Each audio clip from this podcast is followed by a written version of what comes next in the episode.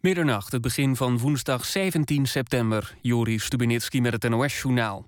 Nederland overweegt mee te doen aan een internationale luchtaanval op de terreurbeweging Islamitische Staat. Het is nog niet rond, maar Nederland doet mee aan de besprekingen daarvoor in Amerika, zei minister Hennis van Defensie in Nieuwsuur. Een van de opties in de strijd tegen IS is de inzet van Nederlandse F-16's.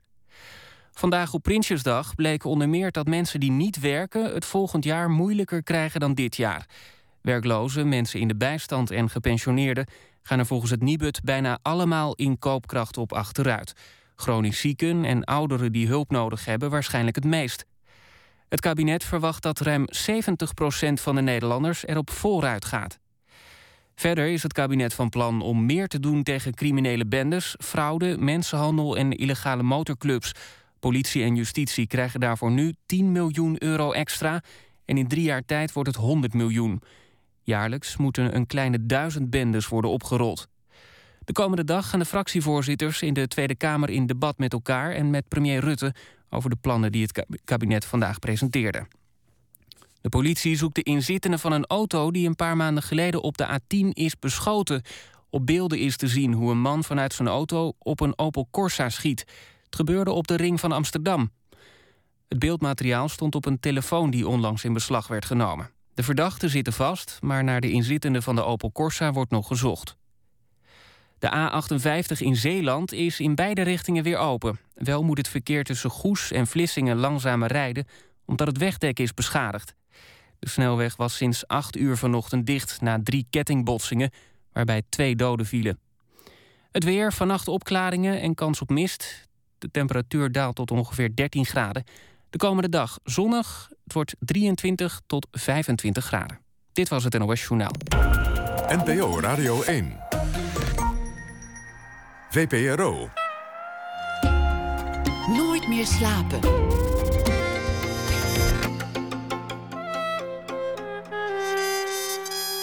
Met Pieter van der Wielen. Goedenacht en welkom bij Nooit meer slapen. Straks na één uur aandacht voor Willem Wilmink, liedjeschrijver en dichter, wordt komend weekende herdacht. En u hoort Joep van Lieshout over zijn tweede industriële revolutie en wat dat inhoudt. Maar we beginnen met Philip Huff. Hij is schrijver, debuteerde in 2009 met zijn boek Dagen van Gras over een jongen die met een psychose meteen ook zijn jeugd verliest. In 2012 volgde het boek Niemand in de stad over het Amsterdamse studentenleven. En hij schreef ook nog een verhalenbundel, Goed om hier te zijn.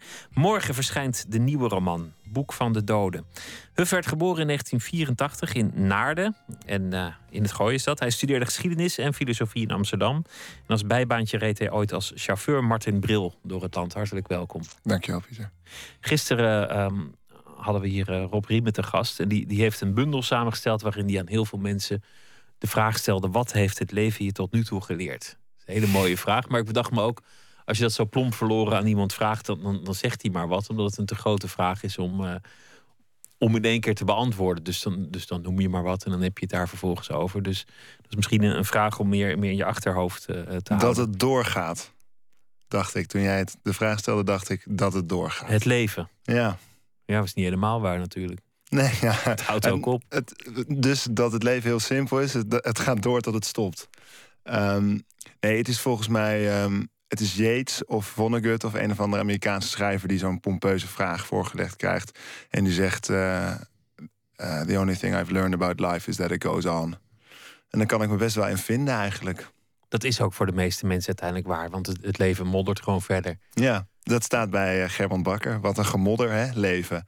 En als je dat dan in de context van zo'n briljante roman leest, dan denk je ja, het is, het is, het is waar. Um, en dat geldt ook voor zo'n antwoord. Uh, het zit in volgens mij in een pers review interview. Dan zegt hij: het is, dat is dus wat het is. Het gaat door. En um, soms heb je koers te pakken. En, uh, uh, en is het iets minder gemodder. En soms is het echt enorm gemodder. Ik kwam Gerbrand Bakker toevallig tegen van het weekend. En toen, toen vroeg ik hoe gaat het. En zei hij: wat een kutvraag. Dat vond ik ook meteen al een goed antwoord. Dat was het beste antwoord geweest op jouw vraag. Wat een kutvraag. Ja, je bent uh, geboren in Naarden, zoals je gelukkig uh, kort voor de uitzending nog uh, verbeterde. Want ik had, ik had Laren opgeschreven. Um, je vader die was actief in, in de VVD. Je hebt zelf in het Amsterdamse koor gezeten. Wat, wat hadden je ouders gewild dat je geworden was? Hadden ze een beeld daarvan? Mijn moeder heeft altijd gezegd: heel leuk dat schrijven, maar kan je er niet iets naast doen? Of sterker nog, kan je niet naast iets anders doen? Um, maar ik wil ook geen monsters van mijn ouders maken. Ik, ik, ik denk dat ik, de, ik ga ervan uit dat mijn ouders gewoon willen dat ik gelukkig ben.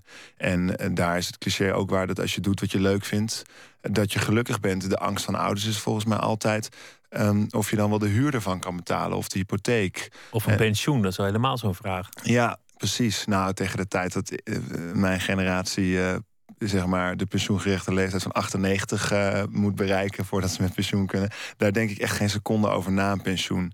Ik vind mijn werk heel leuk. En uh, ik heb het concept nooit begrepen dat je, dat je de hele tijd werkt om zo snel mogelijk daarmee te kunnen stoppen, om dan de hele dag niks te doen. Ik, de hele constructie van pensioen heb ik echt nooit uh, begrepen.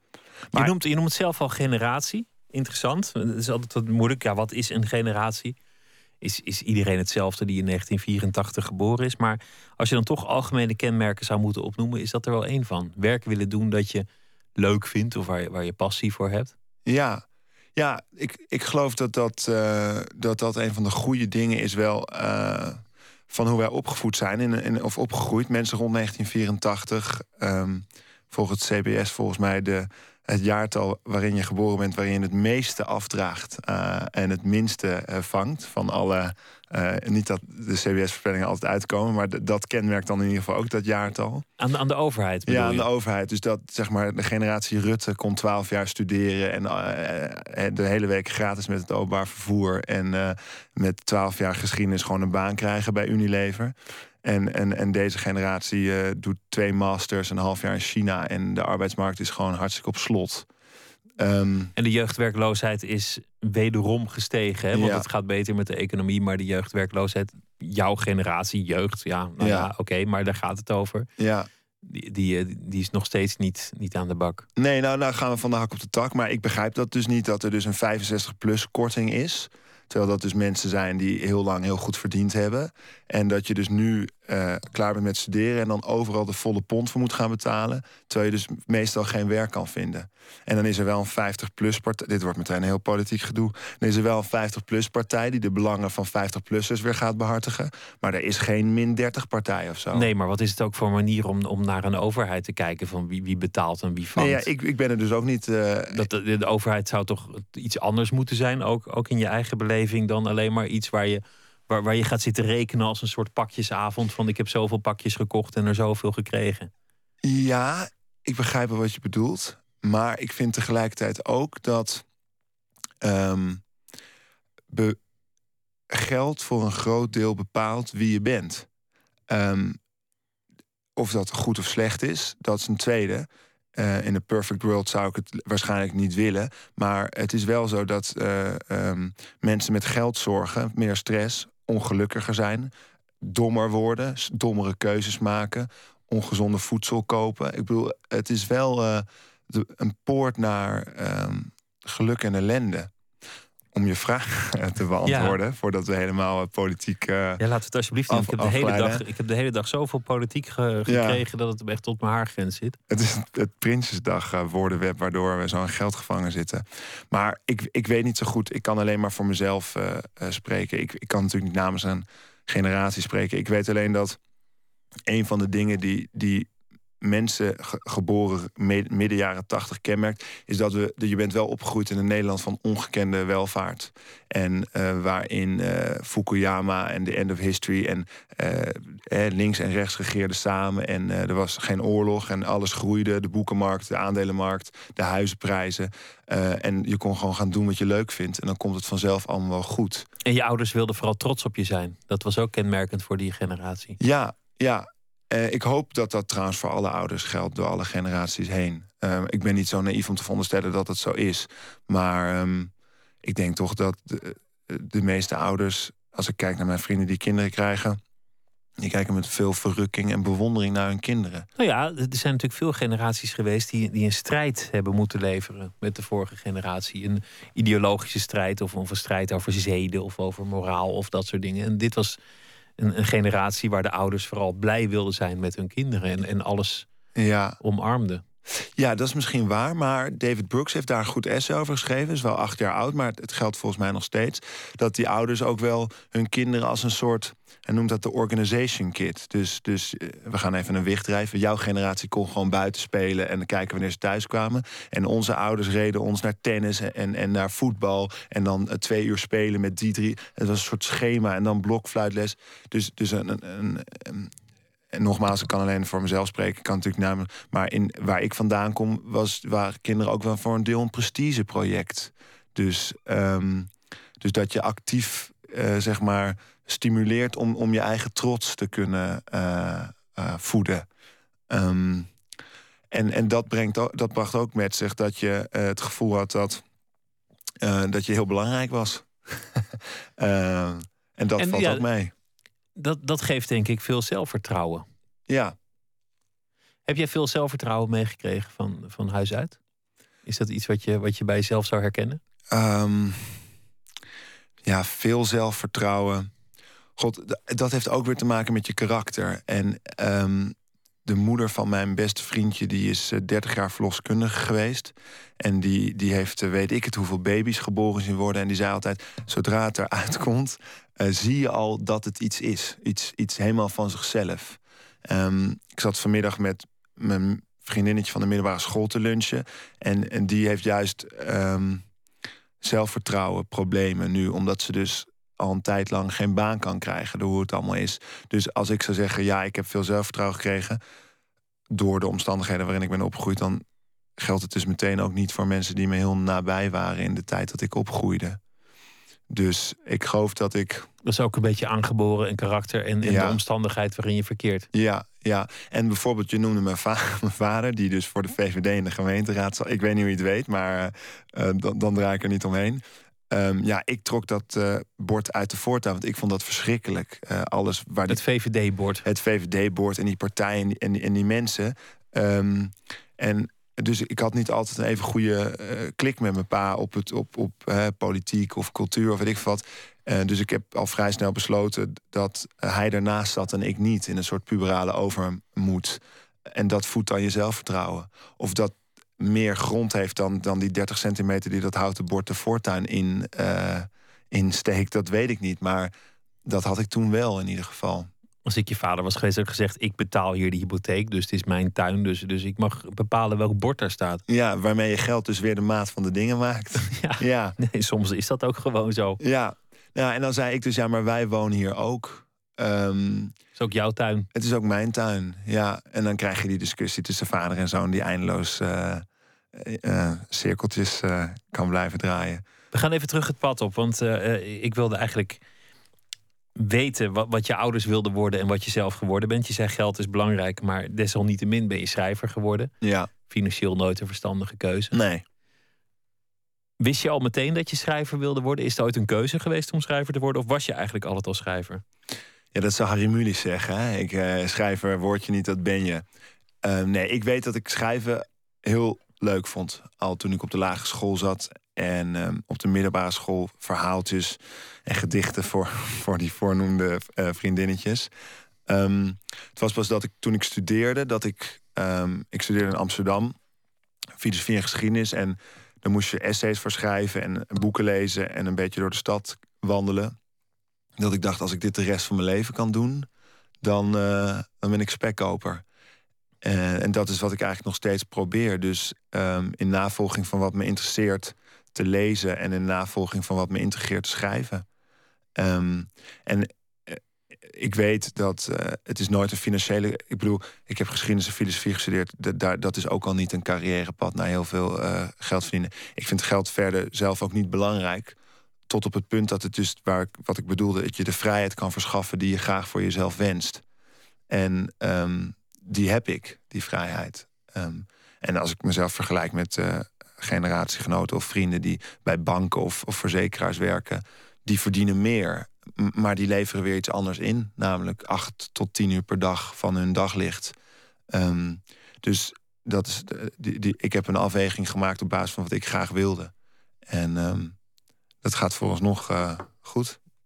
Waar je altijd om wordt geroemd zijn, zijn je personages de, de, degene, de hoofdpersonen in je boek, dat die een karakter hebben of, of iets dat ze drijft, dat, dat zo gelaagd is dat het onvergetelijk wordt. Dat het een, een personage is dat de lezer niet, niet licht achter zich eh, zal laten.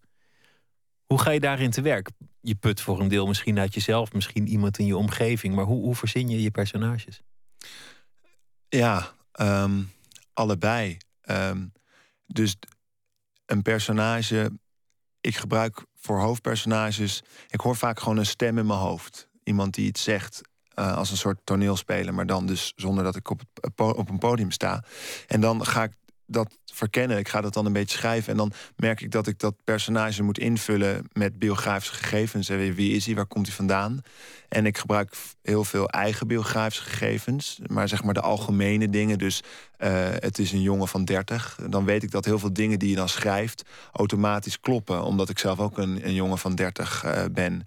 En voor een deel uit je omgeving komt dat erbij. Dus um, als je bij een goede vriend een, een, strijd met zijn vader ziet, uh, dan kan dat in dat karakter terugkomen. En dan is het minder zo dat ik denk, ah, uh, Jan heeft gezeik met zijn vader, dat ga ik in mijn boek gebruiken. En meer zo dat ik aan het schrijven ben en dat ik ineens merk dat dat personage ook gezeik met zijn uh, vader of zijn werk heeft. En wanneer is een goed personage? Is er een moment dat je denkt, nu heb ik iemand die interessant genoeg is om, om een boek op te baseren? Of, of zijn er eigenlijk andere dingen leidend? Nou, die stem vind ik heel belangrijk, die toon van hoe mensen praten. Ik schrijf bijna altijd vanuit de ik-persoon. En dan moet het dus echt iemand anders zijn dan ik zelf. Je moet echt het gevoel hebben dat je iemand hebt die je kan spelen. Een toon, een manier van spreken. Ja, een manier van spreken. En in die manier van spreken zit een manier naar de, om naar de wereld te kijken. Kijk, eh, praten is natuurlijk gewoon de wereld verpakken in woorden... waardoor je het begrijpt. Iedereen praat anders, omdat iedereen de wereld anders verpakt. Kortom, een goed personage is een, is een toegang tot een andere wereld. Ja, ja, en een groot deel van die wereld correspondeert met gedachten die je zelf hebt. En een, een groot deel van die wereld is strikt eh, ja, van het karakter.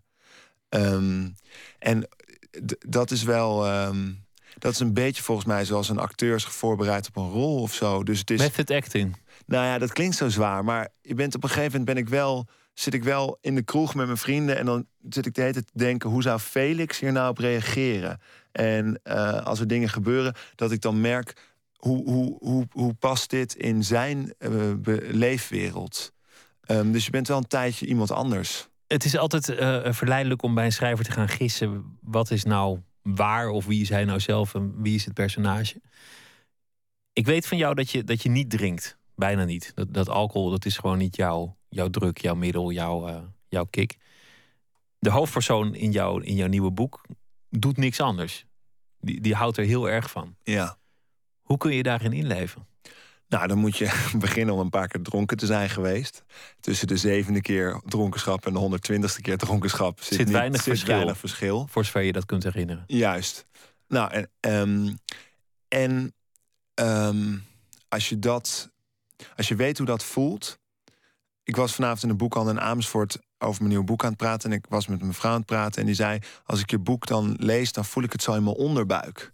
Um, als ik schrijf over hoe dat dan voelt als hij zo dronken is, dan denk ik aan toen ik zelf zo dronken was. En dan voel ik het ook daar. Um, en dat probeer ik dan ja, in dat boek te laden als een soort van circuit waar je dat soort van, weet je, een moederbord of zo, waar je dat, dat, dat gevoel dan inlaat. En dat is gewoon een kwestie volgens mij. Ja, dit gaat een beetje uh, esoterisch klinken, maar van het voelen. Het is, je moet het gewoon voelen als je het, als je het speelt, als je het schrijft. Um, en dan hopen dat het overkomt. Um... Het is heel fysiek, hè? Hoe, hoe jij een personage maakt. Het, het, branden van de kook in de neus. Ja. Het, het, het verschrompelen van, van, uh, van iemands geslacht na, na woeste seks. Ja. Het, het, het branden in de maag van de alcohol. Nou, zo kan ik wel doorgaan. Het, de pijn van littekens. Het ja. gaat ook echt over, over fysieke ja. Ja, ja. tekeningen wat is het? De mens heeft de pech een geest te hebben, maar een lichaam te zijn.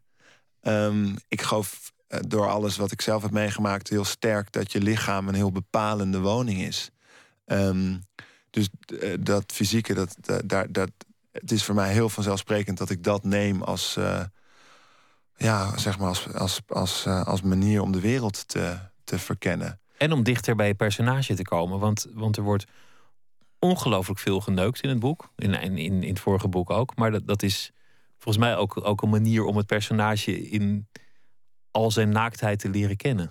Ja, nou, ik geloof zelf heel erg dat seks een groot deel van het leven is. Ik bedoel, en ik lag, als het goed is. Als het goed is. Ik lag laatst met een, met een heel lief meisje in bed, s ochtends om half elf, een doordeweekse dag. En toen zei ik, wat een geluk hè, dat wij geen kantoorbaan hebben... Dat we, dat we dit dan nu kunnen doen. Toen lachte zij mij heel hard uit. En toen zei ze, op het kantoor overal in Nederland... gebeurt het nu overal op wc's en de voorraadkasten en vergaderkamers. Um, dat heeft als iemand eerder gezegd tegen mij. Die zei ook hier op dit kantoor waar jij nu zit... want wij zitten in een kantooromgeving. Ja. Maar ik, ik denk nog steeds dat dat hier bij de NOS niet aan de hand is. Ja, net zoals iedereen altijd denkt dat zijn of haar partner niet vreemd gaat. Nee, maar dat komt omdat dat ze hier, dat heb ik toen ook uitgelegd, nieuwsverslaafd zijn. Omdat ze dan weer twee aanpeetjes over Prinsjesdag okay. missen. Oké, nou. Maar ehm, goed, dat, dat is weer een zijpad, heb ik al een keer eerder gezegd, van een herhaling. De NOS uh, daar buiten gelaten, vond ik haar punt um, goed. Ik denk dat dat, dat dat dat voor een heel groot deel bepaalt wie we zijn. Daarnaast denk ik dat, uh, dat zit ook in mijn boek, um, seks ook een manier van communicatie is. Een manier om elkaar dingen te vertellen die. Uh, um, ik geloof dat de fijnste seks die je hebt in je leven ook seks is als je het gevoel hebt dat je elkaar met woorden niet meer genoeg kunt zeggen. Um, dus uh, als je ervan uitgaat dat een mens uh, een diertje is dat dus bezig is met geurtjes en anderen en, en, en seks. En als je ervan uitgaat dat de mens een sociaal wezen is dat bezig is met zichzelf aan andere mensen kenbaar te maken, dan kom je twee keer op, uh, op de kruising van neuken uit. En hij, heeft een, hij heeft een groot litteken op de borst, wat betekent dat seks ook een, een geheim prijsgeven is, voor, voor zover een litteken meteen een geheim is. Maar in ieder geval, je geeft jezelf ja. bloot en extra bloot als je een groot litteken hebt, denk ik. Want er zit meteen een verhaal aan vast. Ja, klopt. Ja, uh, dus ja, het is, ik, ik probeer er de hele tijd omheen te zeilen, maar laat het maar gewoon benoemen. Dat is wat je zegt, het is je blootgeven. En het is dus, als je met een ander in bed ligt... Um, hoe vaak zijn er mensen van niet, het licht moet uit, weet je wel, waarom? Ja, want ik vind het zo intiem. Uh, hoe vaak is het nadat je bent klaargekomen, niet dat je een soort pijloze diepte van schuld of schaamte of, uh, of juist genegenheid voelt. Um, dus het is heel naakt, waar ik dus, wat ik niet zo wilde. Um, dus het zit in mijn boek en het, het, het zit erin omdat um, het op twee manieren iets kan zeggen over een personage. Het kan zeggen dat je met seks heel dicht bij elkaar kan komen, maar het, kan ook zeggen dat je dus eigenlijk.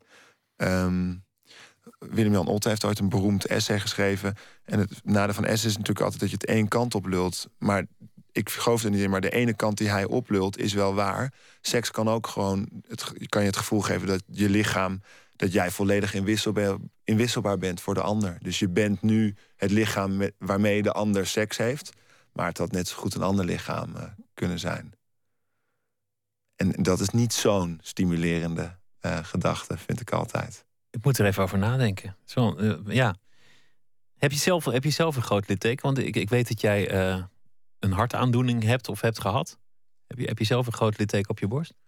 Ik heb zes hele bescheiden littekens op mijn borst. Um, omdat de operatie die um, de hoofdpersoon in het boek ondergaat... Um, een is waarbij ze gewoon de slijptol in je borstbeen zetten... en het uit elkaar krikken om naar je hart te kijken. Zo'n ritsluiting? Exact. En tegenwoordig kan dat ook door via de zijkant drie gaatjes te maken... je long te laten inklappen en dan aan de ene kant te pielen... dan naar uit, long weer op en dan aan de andere kant dat is uh, minder invasief. En als je onder zeil gaat, weet je niet hoe je wakker wordt. Want uh, als je pech hebt, kunnen ze er niet goed bij. En dan moeten ze je alsnog uh, zo openmaken. Maar dat is dus fictie. Het grote litteken is bijna een onbetamelijke vraag eigenlijk, hè? Nou ja, god, vind ik niet. Um, ik, ik, ik, twijfel um, niet meer zoveel over... Ik was in het begin, als ik geïnterviewd werd... altijd best wel terughoudend met... Um, soort van privégegevens. Um, maar ik snap steeds beter dat um, als je het gesprek niet voert zoals je het zelf wil voeren, dan moet je dat gewoon zeggen. Maar als je het niet wil uh, over persoonlijke dingen wil hebben, dan moet je volgens mij niet het soort werk doen uh, dat ik doe. En ik, ik, ik, waar ik ook heel giftig van word, is dat heel veel interviews altijd alleen maar de grote goed nieuws show is. Dus um, dan is het helemaal niet zo erg om af en toe ook eens te vertellen dat, uh, dat er zes gaten in je borstkas zitten omdat ze aan je hart moesten sleutelen. Dat ze in je hart moesten sleutelen, dat lijkt me een, een vormende ervaring als je jong bent en, en er moet, ja, je hart is meteen een fundamenteel orgaan natuurlijk. Als daaraan gesleuteld moet worden, bedoel, iedereen heeft wel eens wat, maar dat is meteen iets groots. Ja.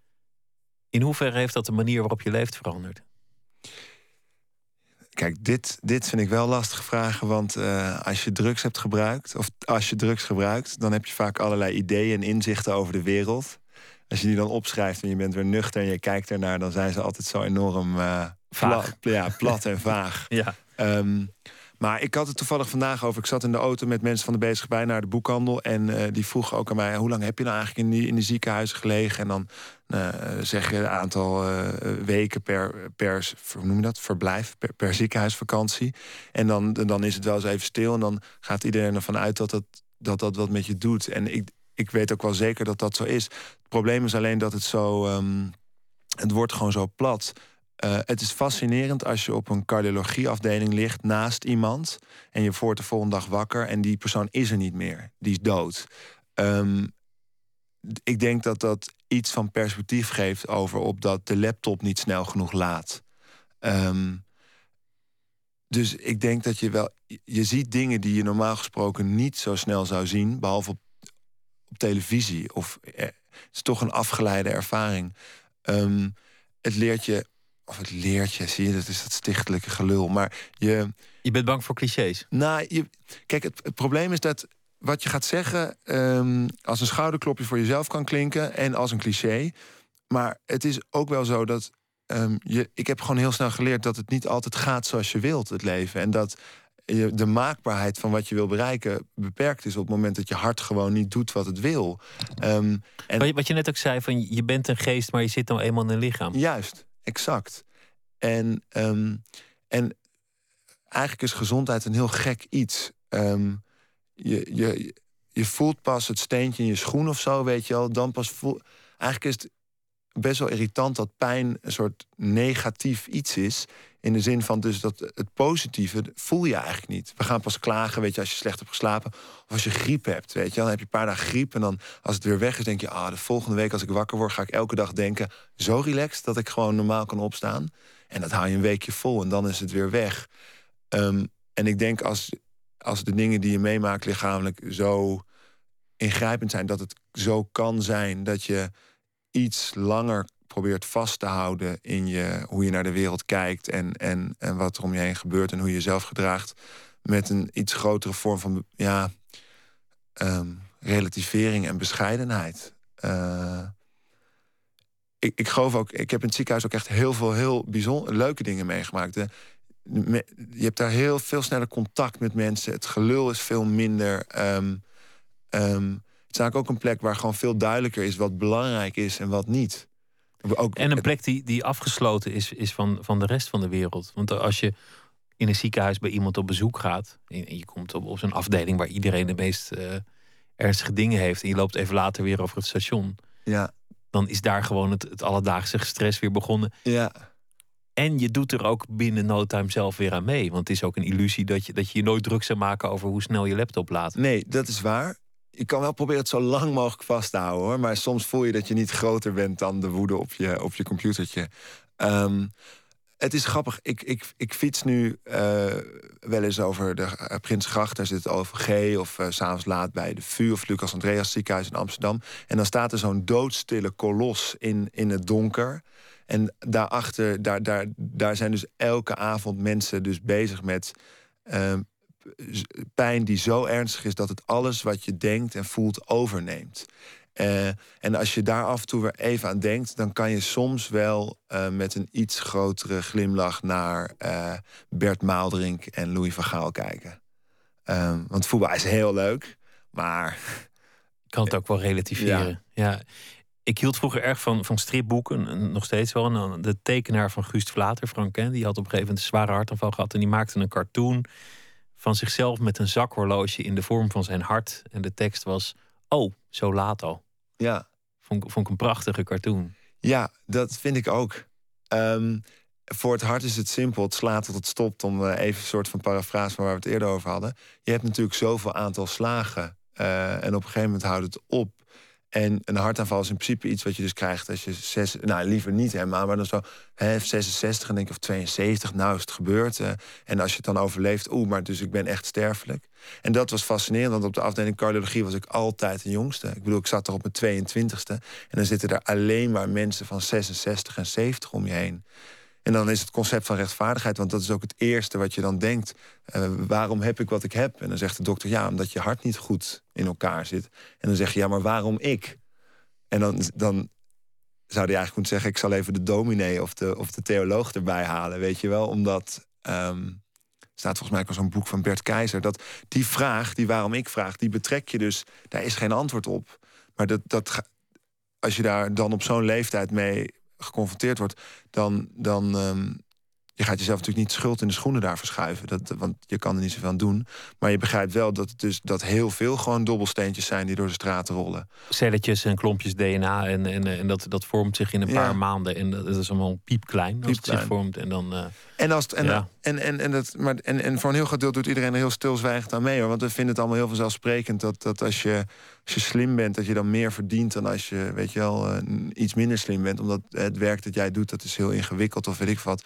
Niemand staat ooit bij stil dat de meeste mensen, voor hoe slim ze zijn, gewoon het ingewikkelde werk doen. Dus waarom en zeggen mensen, ja, er zijn minder heel veel slimme mensen, dus die moeten dan maar meer betaald krijgen of zo. Maar hoe, hoe slim je bent, is ook voor een heel groot deel, wordt ook allemaal daar al bepaald of zo.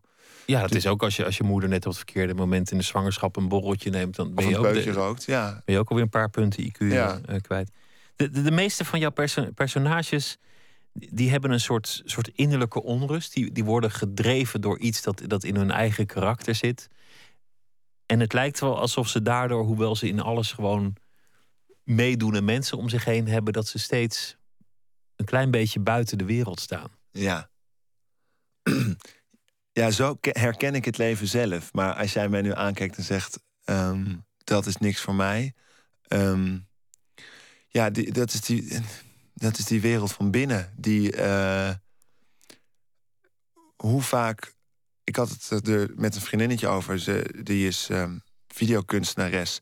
En um, die werkt het liefst als ze alleen is, maar ze heeft een vriend. En als ze dus weg is, zegt ze, ben ik eigenlijk nog niet alleen. Want hoeveel momenten deel ik dan wel niet met hem... als ik gewoon naar het water kijk en dan toch aan hem denk.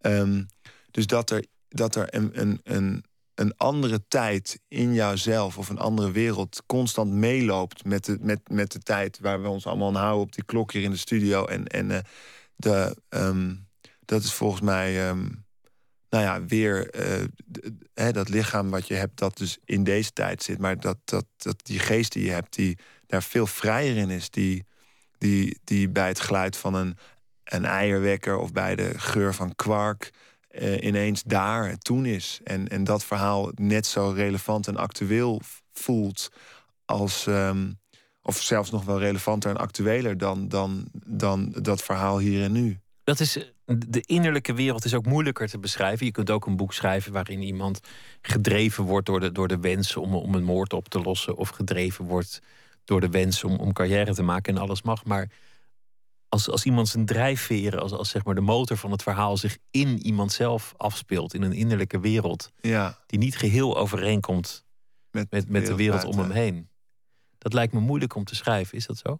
Dat geloof ik ook. Het is altijd kijken naar wat zou nou wel of niet een reële uh, mededeling zijn. En je, Virginia Woolf doet dat heel anders dan uh, David Van. Virginia Woolf die schrijft pagina's zonder nieuwe alinea, heel associatief. En toch zoals je zelf ook soms dagmijmert. En David Van schrijft hele korte afgeknepen zinnetjes over die woorden die je dan hoort als je soms zo in die binnenwereld ronddwaalt. En dan komt het ook over. Um, en dan is het ook nog de verteller. Dus de verteller die, die, die wantrouw je als lezer. Ja, ja. Dat maakt het, maakt het ook nog spannend. Je weet niet wat klopt. Juist, en, maar dat weet je van jezelf toch ook nooit. Die, die, het verhaal dat we onszelf vertellen. Weet je, een klassiek voorbeeld voor een dramatisch gegeven. Dus een verjaardag, drie broers. En de ene wil uit de kast komen. De ander is dronken, maar wil het niet laten merken. En als ze twintig jaar later over die avond vertellen... dan heeft iedereen een andere... Oh, dat was die avond dat ik heel dronken... Was jij dronken? Weet je wel, dus... Um, dat, dat, ik vind dat wel. Kijk, ik beschouw een boek als een van de laatste manieren om heel intiem dichtbij bij een ander te komen. Als lezer ook. Ik bedoel niet eens als ik schrijf, maar gewoon als ik een boek leef, lees van Jennifer Egan of van uh, Nina Polak. Of, of, uh, dan, dan, je kan dan zo dicht in iemands uh, gedachten en gevoelswereld komen op een niet schaamtevolle manier. Dus je voelt je niet opgelaten. Je voelt je heel vrij om die ander te leren kennen en in die ruimte in dat hoofd en, en in dat hart te verkennen. Dat. Um, ik, ik denk dat je daardoor een beter begrip van, van jezelf en hopelijk ook van de ander krijgt. We gaan luisteren naar uh, muziek, dat hoort er ook bij. Jacqueline Govaert zat ooit bij uh, Cresip. Bracht eerder dit jaar uh, haar tweede album uit, Songs to Soothe. En nu een klein liedje dat heet Simple Life.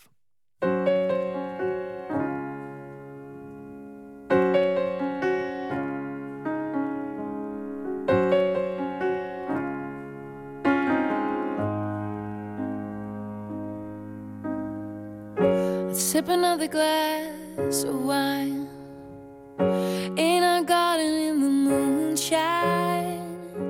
Let the shimmering soothe the battle with your blue.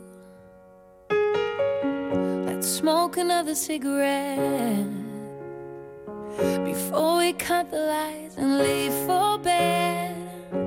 Describe to me why you read the books you read. They bring you peace?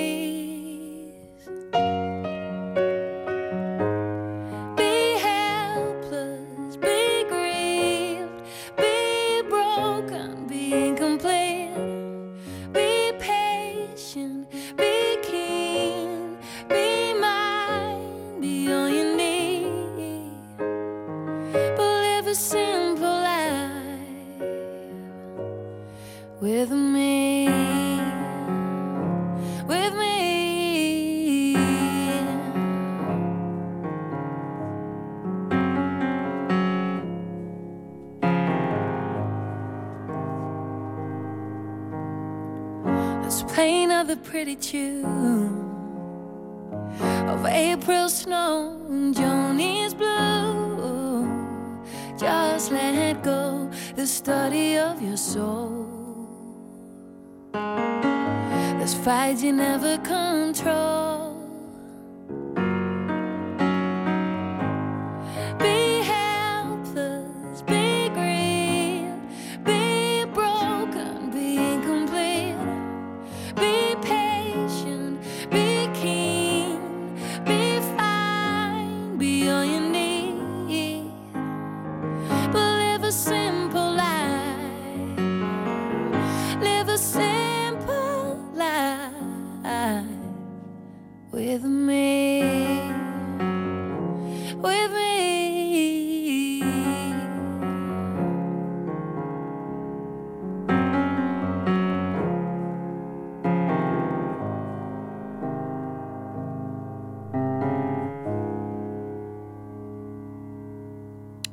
Jacqueline Govaert, Simple Life. En aanstaande zaterdag treedt ze in Amsterdam op in Paradiso. En daarna volgt een kleine clubtour, althans in november.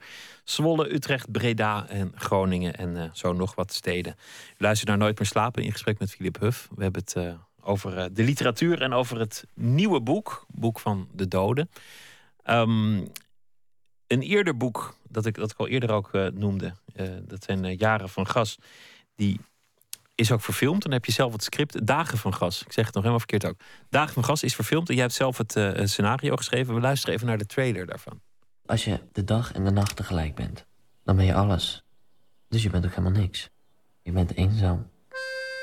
Je bent alleen. Tom. Tom Samson. Je bent wel een beetje een angsthaas, hè?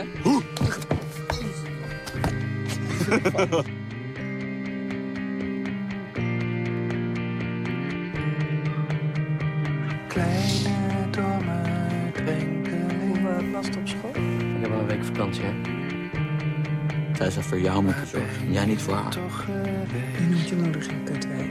Oké dan. Kankoer.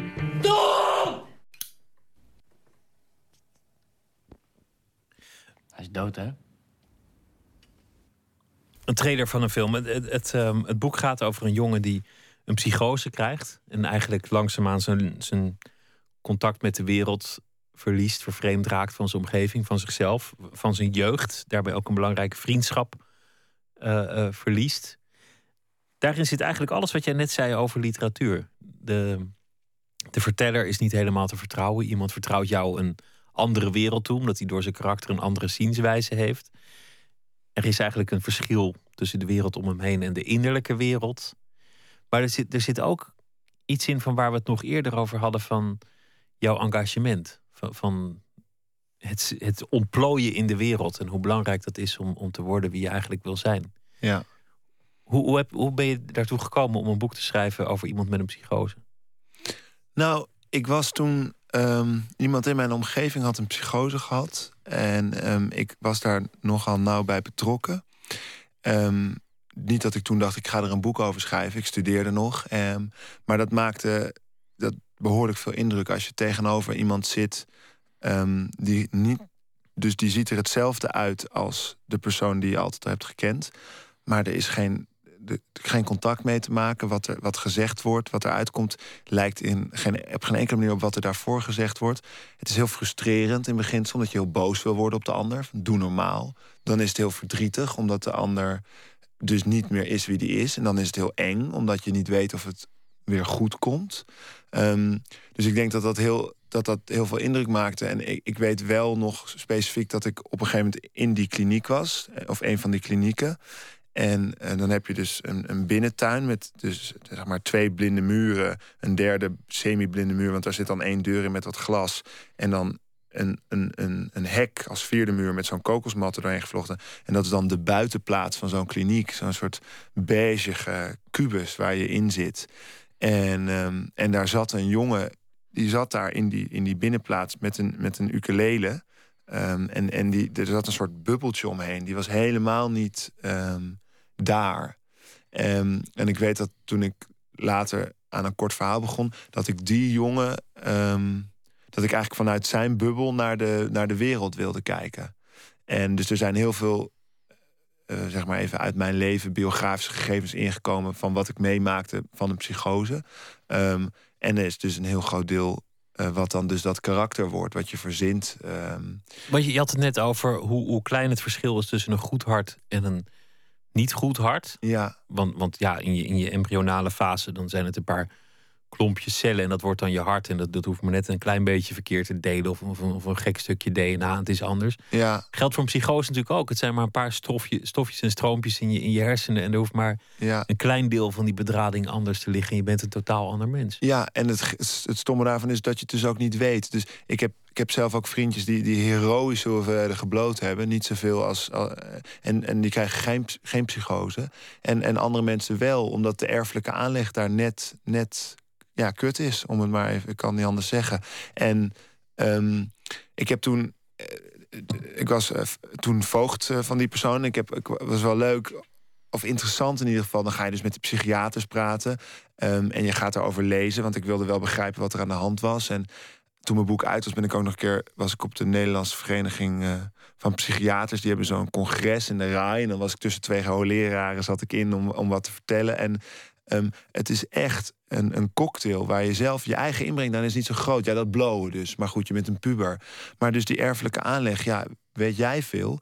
En een, een andere belangrijke factor is een gebroken gezinssituatie. Dus kinderen van gescheiden ouders hebben een grotere kans op. Ja, wat, wat kan jij eraan doen? En sterker nog, vaak als je ouders een kuthuwelijk hebben, ga je veel blowen om daaruit te vluchten, omdat je er niet bij wil zijn.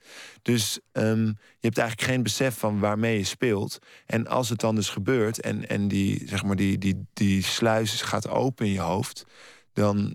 Um, die schade is soms gewoon niet meer te herstellen. Dus dan uh, krijg je psychose op psychose op psychose. Of, um, of, of je bent vergoed uh, concentratiestoornis. Het is. Um... Het verschil met een hartaandoening is dat je karakter ook verandert. Dus dat dat, dat gevoel van verwijt. Ja. Wat je net ook zei, van dat, je, dat je iemand door elkaar wil schudden zeggen: doe nou even normaal. Ja. Dat zit er altijd in. Ja. Wat bij een, een puur fysieke aandoening veel minder het geval zal veel zijn. minder, ja. Dus daarom is. Ehm, eh, en, het, en, het, en, het, het andere stomme van een puur fysieke aandoening is. Je hart is dan wat ingewikkeld, maar met een, eh, een, een, gebroken been of een. Weet je, dan kan je nog. Maar met, je ziet het niet hè, aan iemand. Een ik bedoel, je ziet wel hoe hij zich gedraagt, maar uh, het is ook moeilijk te. Je voelt ook in het begin wel echt een soort woede voor. Doe gewoon normaal, want alles ziet er normaal uit. Um, en dat is natuurlijk helemaal niet zo, want het is daarboven helemaal chaos. Dus het onbegrip volgens mij tussen geesteszieke mensen en wat meer fysieke mensen. Uh, volgens mij is het moeilijker om je te verhouden tot, die, tot de geesteszieke uh, mens. En het irriteert ook sneller. Je ziet het ook op straat, toch aan zwervers. En mensen lopen met een boog om die gekke mensen heen. Daar hebben ze echt geen zin in. Maar dan ga je van de, het totale, de outcast, want dat is, dat is denk ik een van de meest um, weggedrukte hoeken van de samenleving, is, is zo'n kliniek. Ja. En het boek daarna gaat over nou ja, de elite, ja. het, het studentenkoor. Ja. Je nieuwe boek gaat, gaat over jouw generatie in Amsterdam. Milieu rond, rond schrijvers en, en creatievelingen. Ja, nou, mijn generatie, een, een, groep, een clubje mensen van min of meer dezelfde leeftijd. Moet je dat een elite noemen of, of zou je dat ook een verdrukte groep noemen? Nou, ik bedoel elite echt in de zin van een klein groepje. Ja, elite is natuurlijk een beetje een gek woord. Soms bedoel je met de elite zeg maar de, een klein groepje dat, en dat dan ook nog ergens heel getalenteerd in is.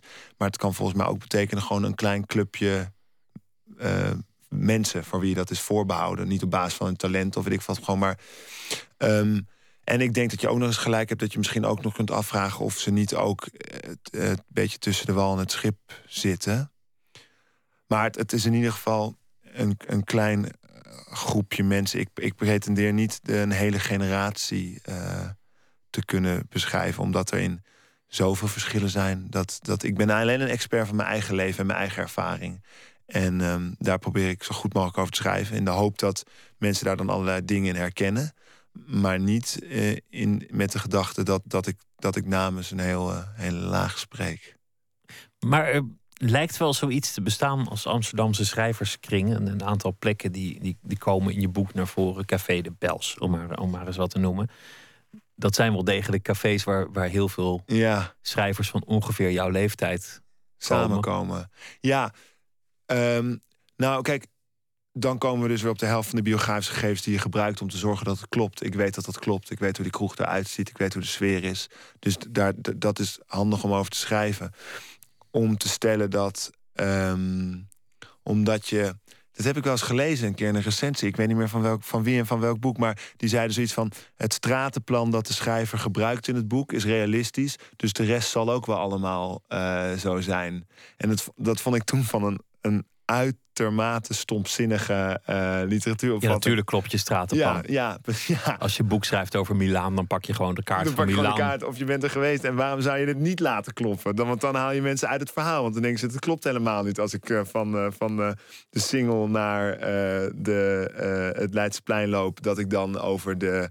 Uh, Da Costa Kade kom. Daar klopt niks van. Maar het is een decor voor een, voor een universele verhaal. Een, een verhaal dat gaat over schuld. Een verhaal dat gaat over liefdesverdriet. Een verhaal dat gaat over, over vluchten op, op allerlei manieren. Maar waarom wilde je dit zo graag als decor gebruiken? Nou, volgens mij. Kijk, dus.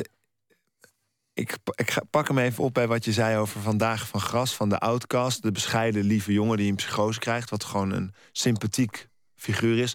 Naar een tweede boek over koorballen. Want dat is hoe de mensen het zouden zeggen. Het zijn uh, jongens die zitten bij een studentenvereniging, weet je wel. Rijke, blanke, hoogopgeleide jongetjes. Ik weet nog wel toen ik dat, dat, ik, dat, ik dat verhaal schreef. En dat boek begint. Uh, vrij vroeg in het boek zitten een groep jongens in Praag in een striptent. En, en zo begon het oorspronkelijke korte verhaal. Dat ik dat aan mijn redacteur liet lezen. En dat hij zei: Ja, maar dit moet je niet doen. Over koorballen Over schrijven. koorballen schrijven. Daar heeft niemand zin in. Dat vinden en mensen. Koorballen zelf kopen geen boeken. En, en dat. En, en, en niemand heeft daar zin in. Dat vindt iedereen verschrikkelijke mensen. Die, die kan je alleen maar verliezen. Um, en toen.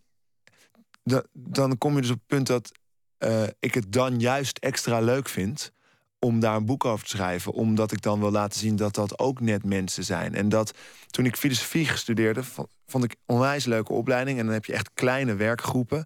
Eh, ik moet studie zeggen. En kleine werkgroepen. En ehm, daar heb je echt in de pauze, dan als het weer begint, dat iedereen elkaar binnenhengelt. Kom, we gaan weer beginnen. En ik, ik had toen op de Oude Mannenhuispoort in Amsterdam College, waar ook rechten college heeft. Daar zitten 400 man en zo, daar doen ze dat allemaal niet. Je hebt echt een beetje zo'n clubgevoel.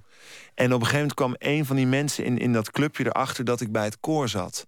En zeg maar zonder dat dat helemaal zo geëxpliciteerd werd, hoorde ik er ineens niet meer bij. En toen dacht ik, en daarom vind ik, vond ik dat toen leuk om, om niemand in de stad te schrijven. Omdat ik dacht, dan ontzeg je dus eigenlijk andere mensen uh, allerlei eigenschappen. Namelijk gewoon menselijkheid en het vermogen om fouten te maken, maar ook leuke dingen te doen. Op basis van één soort van stigma dat je op mensen plakt. Uh, dus hetzelfde zeggen dat elke filosofie-student lang haar heeft en stinkt. Weet je, ja, ik bedoel, het, het slaat gewoon nergens op.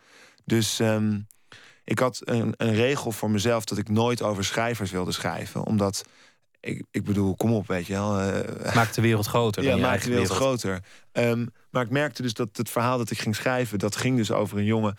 En, en, hij schrijft verder niet zoveel in het boek. Hoor. Het gaat volgens mij veel meer over die leeftijd hebben, de band met je vader, hoe het moeilijk is om werk te krijgen. Uh, wat het betekent om wel op die, die, die, die, die, die, grens van 30 gaan we ervoor, gaan we trouwen. Dus dat speelde allemaal mee. Ehm, en toen uiteindelijk werd hij een schrijver omdat ik die wereld gewoon goed ken. En ik, ik er dus op kan vertrouwen dat als ik erover schrijf, dat het naar mijn ervaring klopt. Want die wereld moet wel echt zijn ik, het enige criterium dat ik heb als ik werk is dat iemand over wie ik schrijf nooit zal zeggen: Dit klopt niet. Want dan ben je eruit. Als ik een stuk lees in de krant over, over mensen bij een studentenvereniging, of als ik een serie kijk over studenten en er klopt heel veel niet, dan denk ik over de rest wat ik niet zo goed ken: ja, maar dat zal ook wel niet kloppen. En als er niks klopt, dan ga ik niet mee in dat verhaal. Want dan denk ik: ja, dan schort ik mijn ongeloof niet op. Want dan denk ik: ja, uh, flikker maar op met je onzin. Dus. Um, het moet wel kloppen. Ja. Ik begon dit interview met een, een, bombastische en onmogelijke vraag die ik van, van gisteren had overgenomen van Rob Riemen. Wat heeft het leven je tot nu toe geleerd? Daarna vroeg ik wat, wat wilden je ouders dat je werd? Toen vertelde je van nou ja, mijn, mijn vader die, die stemde VVD en ik werd al jong zelfstandig door dat bord uit de tuin uh, te trekken. Je zei dat je het belangrijk vond om, om autonoom te zijn, maar dat geldt ook niet het belangrijkste is. Dat je vooral verhalen wil vertellen, nieuwe werelden wil leren kennen via, via de literatuur en, en wil geven aan anderen. Dat je, dat je ook wel een bepaald besef van urgentie hebt overgehouden aan, aan je hartaandoening. Nou ja, dan vat ik eventjes het interview samen. Er zijn nog wel meer dingen, dingen vertellen. Maar toch nog even die bombastische vraag. Want ik had, ik had toch beloofd erop terug te komen. Wat, wat heeft het leven je tot nu toe geleerd? ik denk dat het niet vanzelfsprekend is waar boeken bij kunnen helpen en waarom ik eigenlijk schrijf, is dat zo vaak is wat gebeurt, wat men doet en wat je overkomt en wat je gegeven is, dat lul je op een heel egoïstische wijze naar jezelf toe. Dus tuurlijk gaat het goed met mijn werk, want ik heb er hard voor gewerkt. Hè? En al die andere factoren waar je veel minder invloed op hebt, die maak je veel kleiner. Um, dus door die paar dingetjes die ik heb meegemaakt, die daar iets anders uh, zeg maar, hebben laten zien, heb ik in ieder geval geleerd dat het af en toe wel eens goed is om je kop uit je eigen uh, kont uh, te trekken. En uh, proberen je open te stellen voor meer dan wat je zelf denkt en voor de ander, zoals je eigenlijk soms wel geneigd bent om jezelf dat wel toe te kennen. Het grappige is bijvoorbeeld, je, je hebt het over mijn hart en over het ziekenhuis, maar die jongen in dit verhaal is in principe gewoon in het begin van het boek een kooksnuivende klojo die gewoon niet echt de boel oppakt. Dus je bent ook wel snel geneigd om te zeggen: gast, flikker op, ga eens wat doen. Maar als je wat langer met zo'n jongen doorbrengt, dat je dan beter ziet waar dat dan eigenlijk allemaal vandaan komt. Dus eigenlijk is het antwoord dat twee keer kijken vaak twee keer zo goed is als één keer kijken. Ik vond hou je koppen uit je kont ook wel gewoon een, een ontzettend mooi motto. Dan zetten we die op het wandtegeltje. Philip Huff, dank je. Dat is een ander programma. Philip Huff, dank je wel. En ik eh, noem nog even de, de titel van het uh, boek. Dat is uh, Boek van de Doden. Dank dat je de gast wilde zijn. Jij bedankt. Met haar zachte stem en verlegen presentatie is Kira Woek bepaald niet de typische slamdichter. Maar ze won in 2011 het NK Poetry Slam. Aanstaande zaterdag opent zij de Nacht van de Poëzie. In haar woonkamer te Amsterdam-West vertelt ze over de Schrijversacademie en het belang van een goed werkritme. Mm. Nou, eigenlijk begon ik al op mijn vijftiende. Gewoon met heel weinig woorden en heel verhaal neerzetten. Ja, en ik wist, hier, hier kan ik iets mee. Mm, daarna ging ik eigenlijk meedoen aan, aan slams. Toen ontdekte ik Festine Lente in Amsterdam. een café waar ze elke maand een slam organiseren. Ik vond het doodeng, weet ik nog de eerste keren. Ik, ik, ik kon het gewoon bijna niet aan om een tekst op te noemen. Maar ik vond wel dat het iets was wat ik zou, zou moeten leren. Soms moet je dingen doen die je eigenlijk niet durft. Ik ben Kira Wuk en ik ben dichter en schrijfster. En mijn debuut heet Finse Meisjes. Ik heb eigenlijk nog heel veel studies gedaan.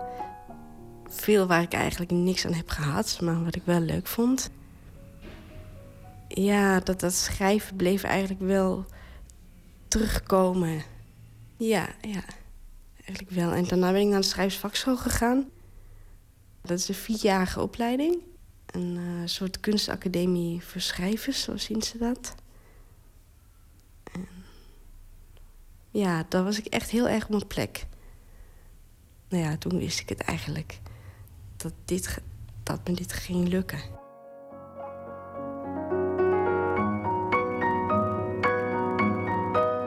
Ik, ben nu met de tweede dichtbundel bezig. Soms vind ik het moeilijk om... Nou, voor, mij is het belangrijk als ik schrijf... dat ik echt een vast schema heb en me daaraan hou. En soms gaat het heel veel weken goed.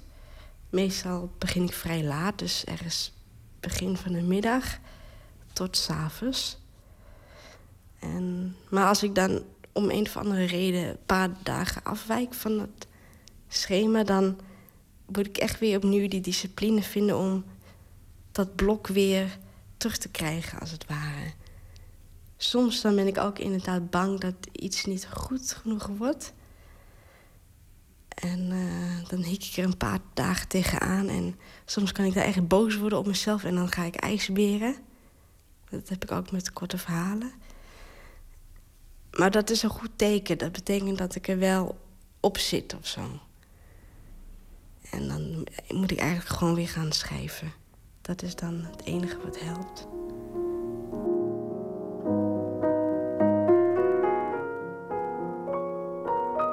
Ik zal het eerste deel van een drieluik lezen. Hoe pijn eruit ziet. Mijn vader had een nieuwe vriendin, een Afrikaanse kickbokster met stekeltjes. Ze liet mij zien hoe sterk ze was door de deurklink met één hand omhoog te buigen. Ik was onder de indruk, zag hoe de spiertjes in haar nek zich oprolden. Je zal dit een situatie kunnen noemen. Toen ze onder de douche stond, wilde ik haar de cavia laten zien die ik net gewassen had. Ze zei dat ik haar met rust moest laten, dat het een excuus was om haar naakt te zien. De laatste keer dat ze bij ons was, nam ze de metalen Sony Walkman van mijn vader mee.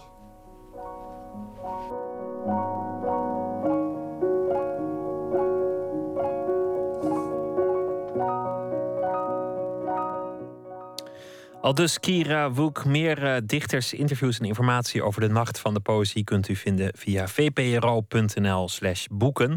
Een bijdrage was dit van Nicky Dekker. Zometeen gaat uh, Nooit meer slapen verder met uh, aandacht voor het Willem Wilmink Festival. Komend uh, weekende wordt in Enschede het werk geëerd van de in 2003 overleden plaatsgenoot, dichter en liedjeschrijver Willem Wilmink. We praten zometeen met liedjeschrijvers van nu die door hem beïnvloed zijn. U krijgt ook een verhaal van schrijver Gustav Peek, die deze week elke dag een verhaal schrijft op basis van iets dat vandaag is gebeurd. En dat zal hij na één voordragen. Verder gaan we het zo meteen ehm, hebben over een nieuwe industriële revolutie. Dat is het streven van Atelier van Lieshout, van uh, Joep van Lieshout, de, kunstenaar. Ze hebben daar een uh, weekend, de afgelopen weekend een uh, festival voor georganiseerd in Rotterdam, het Happy Industry Festival, waar zij op allerlei manieren proberen om deze nieuwe industriële revolutie, wat het ook zijn mogen, in de gang te zetten. En zometeen hoort u ook waar dat uh, over gaat. En we gaan het ook hebben over een uh, bijzondere film die uh, ondanks heel veel ophef en schandaal toch nog in première gaat. Onze verslaggever Botte Jellema die doet zometeen verslag van het verhaal van deze film en waarom die nu toch in première gaat.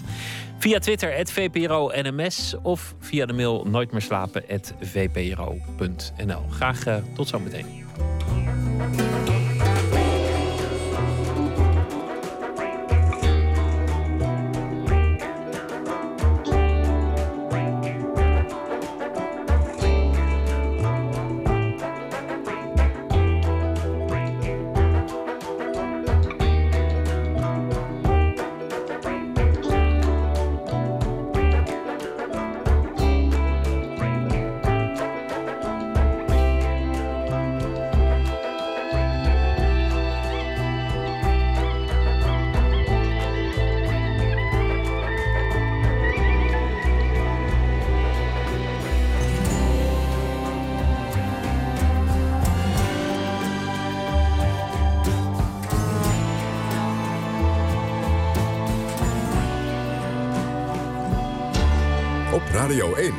Het nieuws van alle kanten.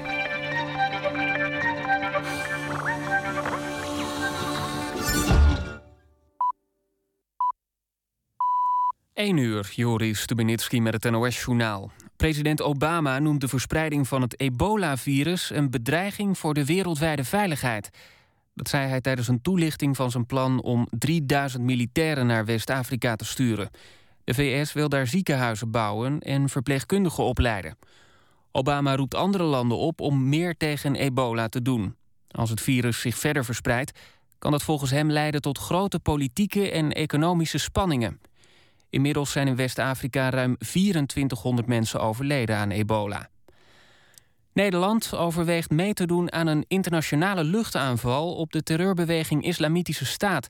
Het is nog niet rond, maar Nederland doet mee aan de militaire besprekingen in Amerika. Dat zei minister Hennis van Defensie in Nieuwsuur. Een van de opties in de strijd tegen IS is de inzet van Nederlandse F-16's. De politie zoekt de inzittenden van een auto die in mei onder vuur is genomen op de A10. Op beeldmateriaal is te zien hoe een man vanuit zijn auto op een Opel Corsa schiet. De beelden stonden op een telefoon die onlangs in beslag is genomen. De verdachten zijn opgepakt. De inzittenden van de Opel Corsa worden nog gezocht. Amerika gaat weer zelf bemande ruimtevluchten uitvoeren. De Amerikaanse ruimtevaartorganisatie NASA heeft twee commerciële bedrijven aangewezen om astronauten naar het ruimtestation ISS te brengen. Het gaat om Boeing en SpaceX. Sinds de Space Shuttles in 2010 uit de vaart zijn genomen, was de NASA voor bemande vluchten aangewezen op Russische capsules. Real Madrid is goed begonnen aan het nieuwe seizoen van de Champions League. De titelverdediger had geen enkele moeite met FC Basel. Het werd 5-1. Borussia Dortmund was te sterk voor Arsenal en won met 2-0. En Ibrahim Afellay hielp zijn Olympiakos aan een overwinning van 3-2 op Atletico Madrid. Het weer, vannacht opklaringen en kans op mist. De temperatuur daalt tot een graad of 13. Overdag veel zon, het wordt 23 tot 25 graden. Dit was het NOS Journaal. NPO Radio 1. VPRO. Nooit meer slapen.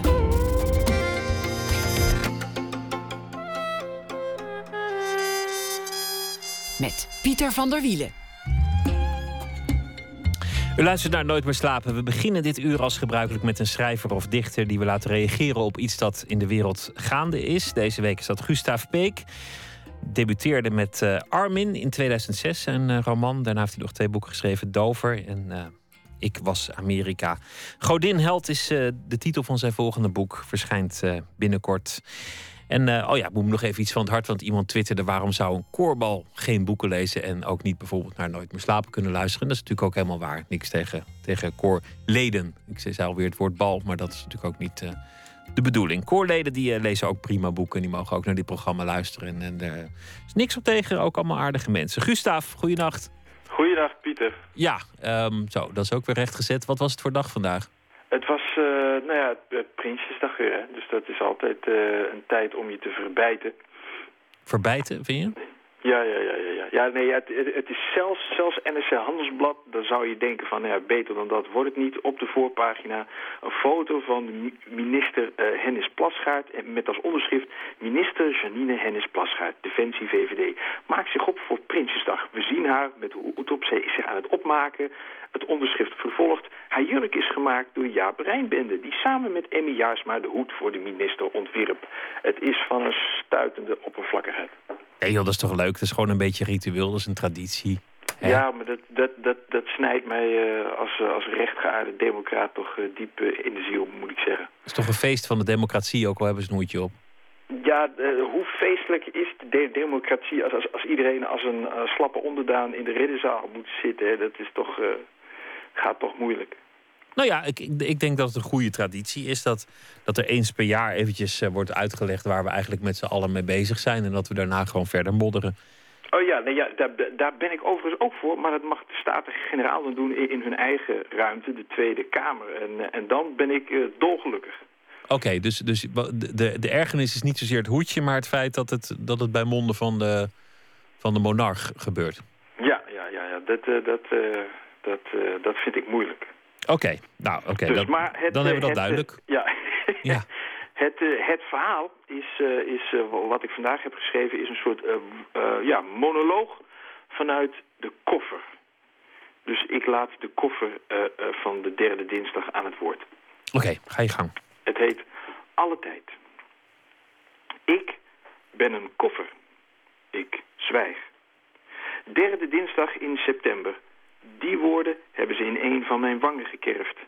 Ik draag ze als een brandmerk, als een schandvlek. Ik heb een hengsel en sloten.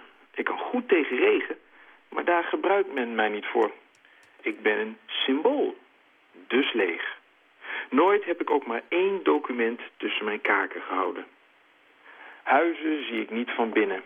Ik word tevoorschijn getrokken, op korte wandelingen meegevoerd. Als een kind dat steeds opnieuw ter wereld komt, zo word ik telkens hoog gehouden. In het licht. Trots, maar ook ter goedkeuring. Zodra de flitsen niet meer afgaan, verdwijn ik weer. Krijg ik mijn plek terug in het donker. Toch heb ik in al die onbeduidende tijd veel meegekregen. Over mijn dragers, over meelopers en toeschouwers, over koninginnen en prinsen. Het was niet altijd zoals het nu is. Ik heb alles gezien, maar omdat ik zwijg, hoeft niemand zich voor mij te schamen. Niet de ministers met hun klamme handen en koffiedode adem. Niet de journalisten die mij even vereren, maar mijn drager elk jaar minder dwingend verguizen. Niet de modderige adel van de houten koets en de houten tronen... die leeft zonder geheugen en zich wentelt in de domme bewondering van een volk... dat nooit werkelijk heeft geleerd om in ontzag op te kijken. Elk jaar legt men mij op een plek van waar ik de troonrede kan horen. Alsof men mij wil tarten, men tot het uiterste wil tergen.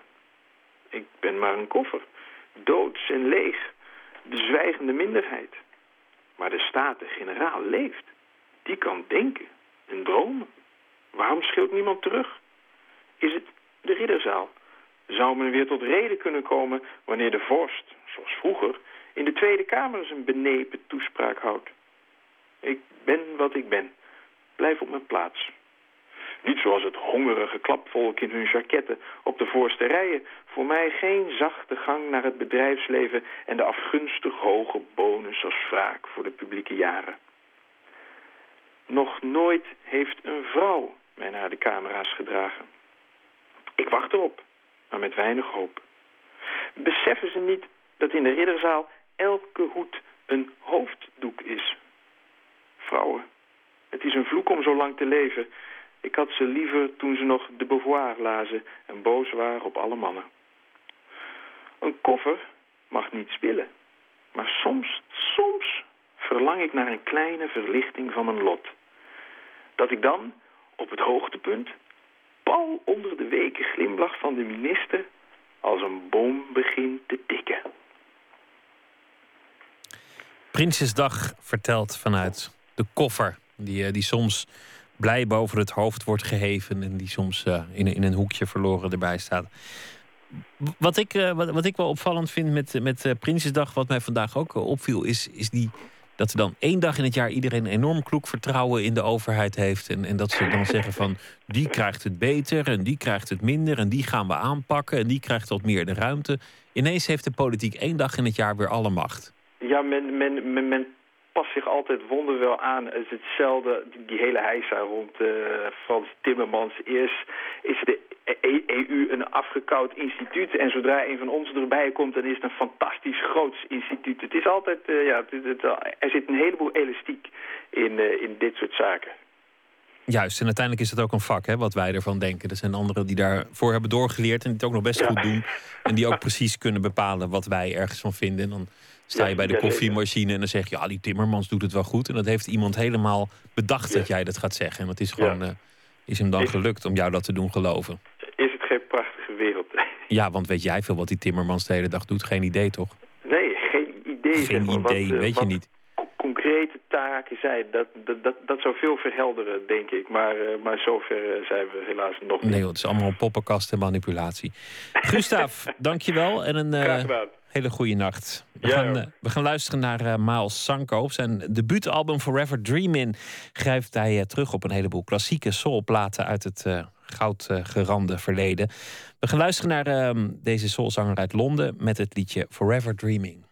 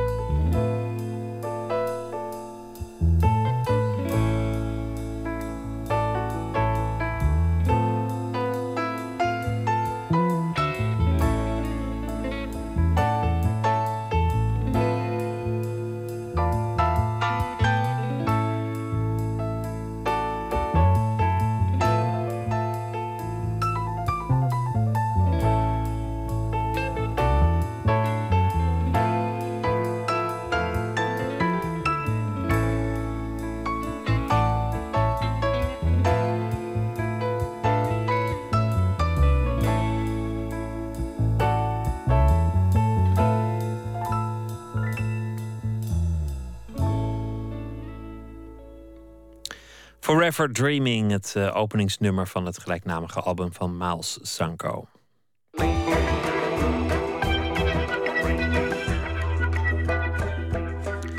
Het Willem Wilming Festival eert komend weekend in Enschede het werk van de in 2003 overleden plaatsgenoot, dichter en liedjeschrijver Willem Wilming.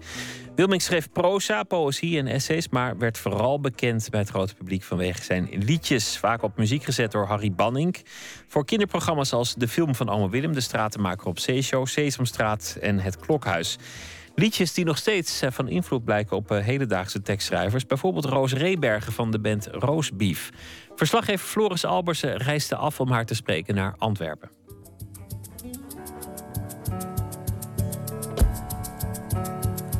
Is je huiswerk allemaal af? Heb je ieder vak gedaan? Voor je met je blote benen hier ging staan? Is je huiswerk allemaal af? Heb je ieder vak gedaan? Voor je met je blote benen hier ging staan? Wanneer smiddags om vier uur onze schoolbel was gegaan en we gingen voetbal spelen, dan kwam Freek er altijd aan. Freekie en daarvoor Huiswerk, gezongen door Joost Prins en Herman van Veen, maar geschreven door Willem Wilmink. De dichter en liedjeschrijver overleed elf jaar geleden. Wilmings nalatenschap is groot en inspireert nog steeds veel mensen. Zoals Roos Rebergen van de band Roosbief. Rotmeid, rotmeid, heb je bezoek? Rotmeid, rotmeid, pis in je broek. Ze was van jongs af aan fan van Wilmings kinderliedjes. Grauwe gebouwen, lauwe thee, holladio, holladie. Wordt je broer dominee. Wat een rotdictee. Het gaat over dictées of zo gaat het. Wat is er zo goed aan Wilmings teksten? Wat voor man was het? En is er een specifiek liedje van Roos dat geïnspireerd is op Wilming?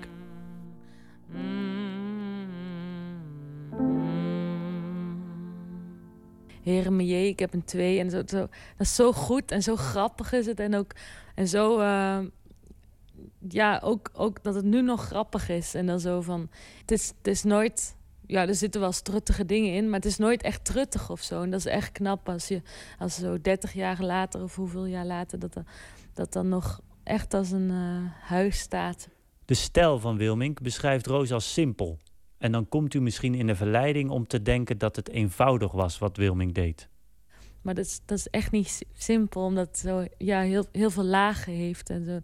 Um, en, en de stijl van Willem Wilming, hoe die schrijft, um, is, is denk ik dat hij heel duidelijk is of zo. En, en ik, ik hou zelf heel van duidelijkheid, in, in tekst in ieder geval. Um, en, en vooral als, als er nog meer is dan dat. Of, of zeker, er is zeker meer dan dat. En dat is het mooie aan zijn teksten. Dat hij ja, heel veel metaforen of dingen uh, gebruikt die, die iedereen meemaakt. En heel, ja, heel, ja, waar ook niks raars aan is of zo. Of wat, wat, um, dat, dat, dat het lijkt dan alsof het heel simpele teksten zijn of zo. Maar dat vind ik helemaal niet.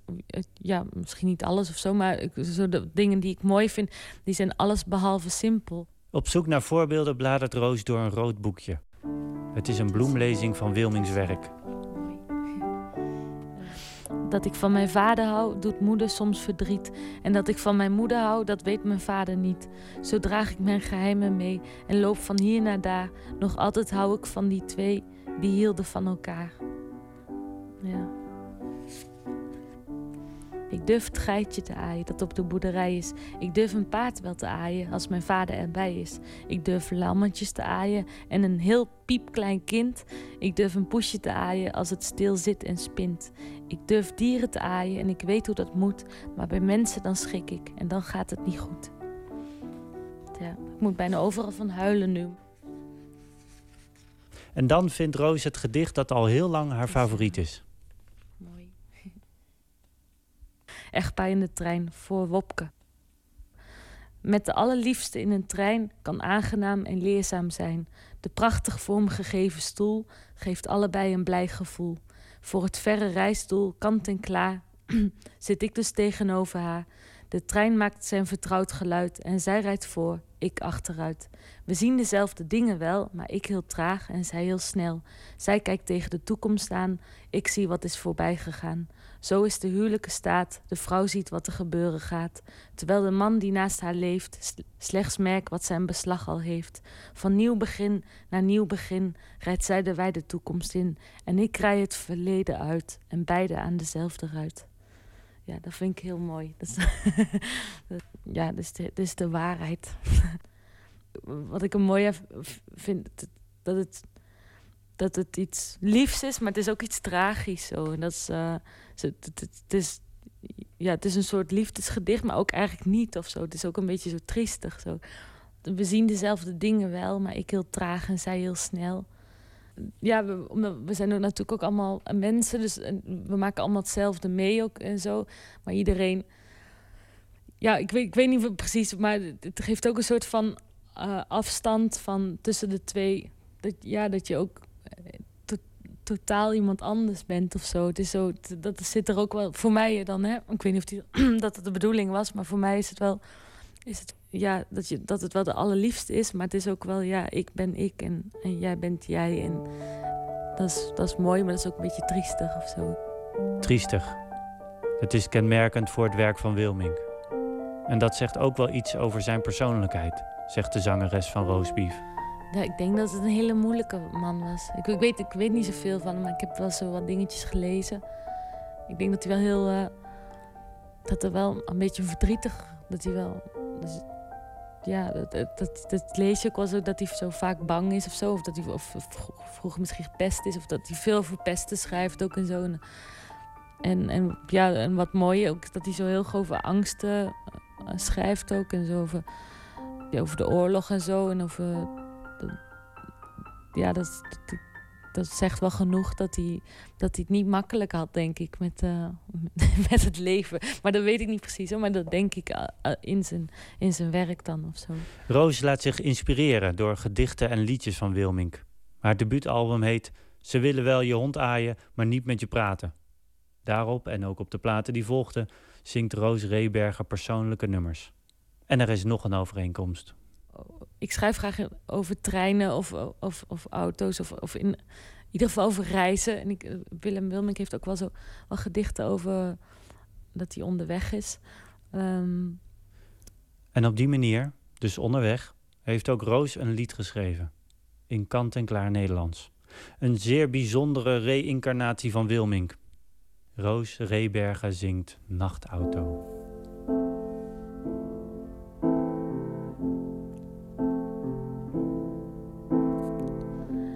Nachtauto, nachtauto, dwaal je overdag net zo. Nachtauto, nachtauto, droom je overdag net zo.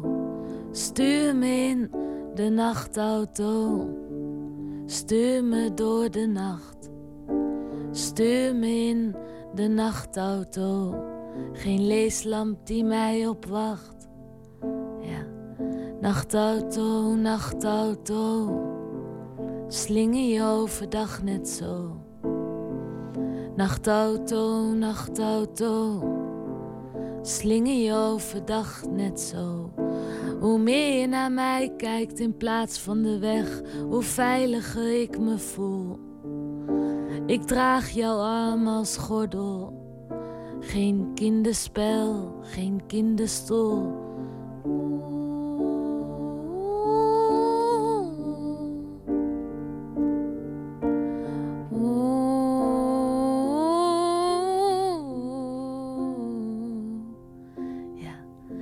Nachtauto, nachtauto, rook je overdag net zo. Nachtauto, nachtauto, rook je overdag net zo. Moet ik je kennen van een road movie? Ben je een wagen als een groot acteur? Of slechts een bescheiden figurant die geparkeerd staat voor een deur?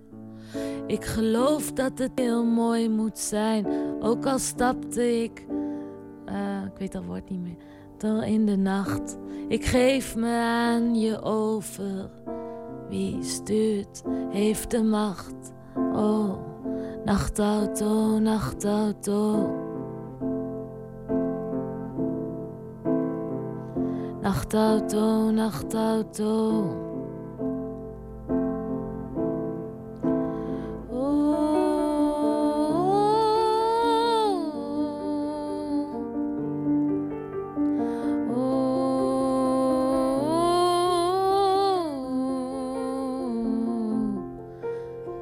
Gaf me nog je kenteken. Voordat ik hem had, was ik het al kwijt. We rijden op een weg die misschien nergens toe leidt. Oh, nachtauto, nachtauto. Nachtauto, nachtauto. Slinger je overdag net zo. Roos Rebergen van de band uh, Roos Beef, Nachtauto. Speciaal voor ons uh, gezongen en in één keer uh, opgenomen. Dus nou ja, gewoon in één keer opgenomen vandaar. In de studio in Antwerpen, het Willem Wilming Festival in Enschede begint komend weekende in het Wilming Theater al daar. En er zullen optredens te zien zijn van Elsje de Wijn, Carla Lip en Cor Bakker. Een bijdrage van Floris Albersen was dat. Een jaar na zijn album Love from London levert de Engelse singer-songwriter Robin Hitchcock een nieuwe plaat af, The Man Upstairs. En wij draaien het liedje To Turn You On.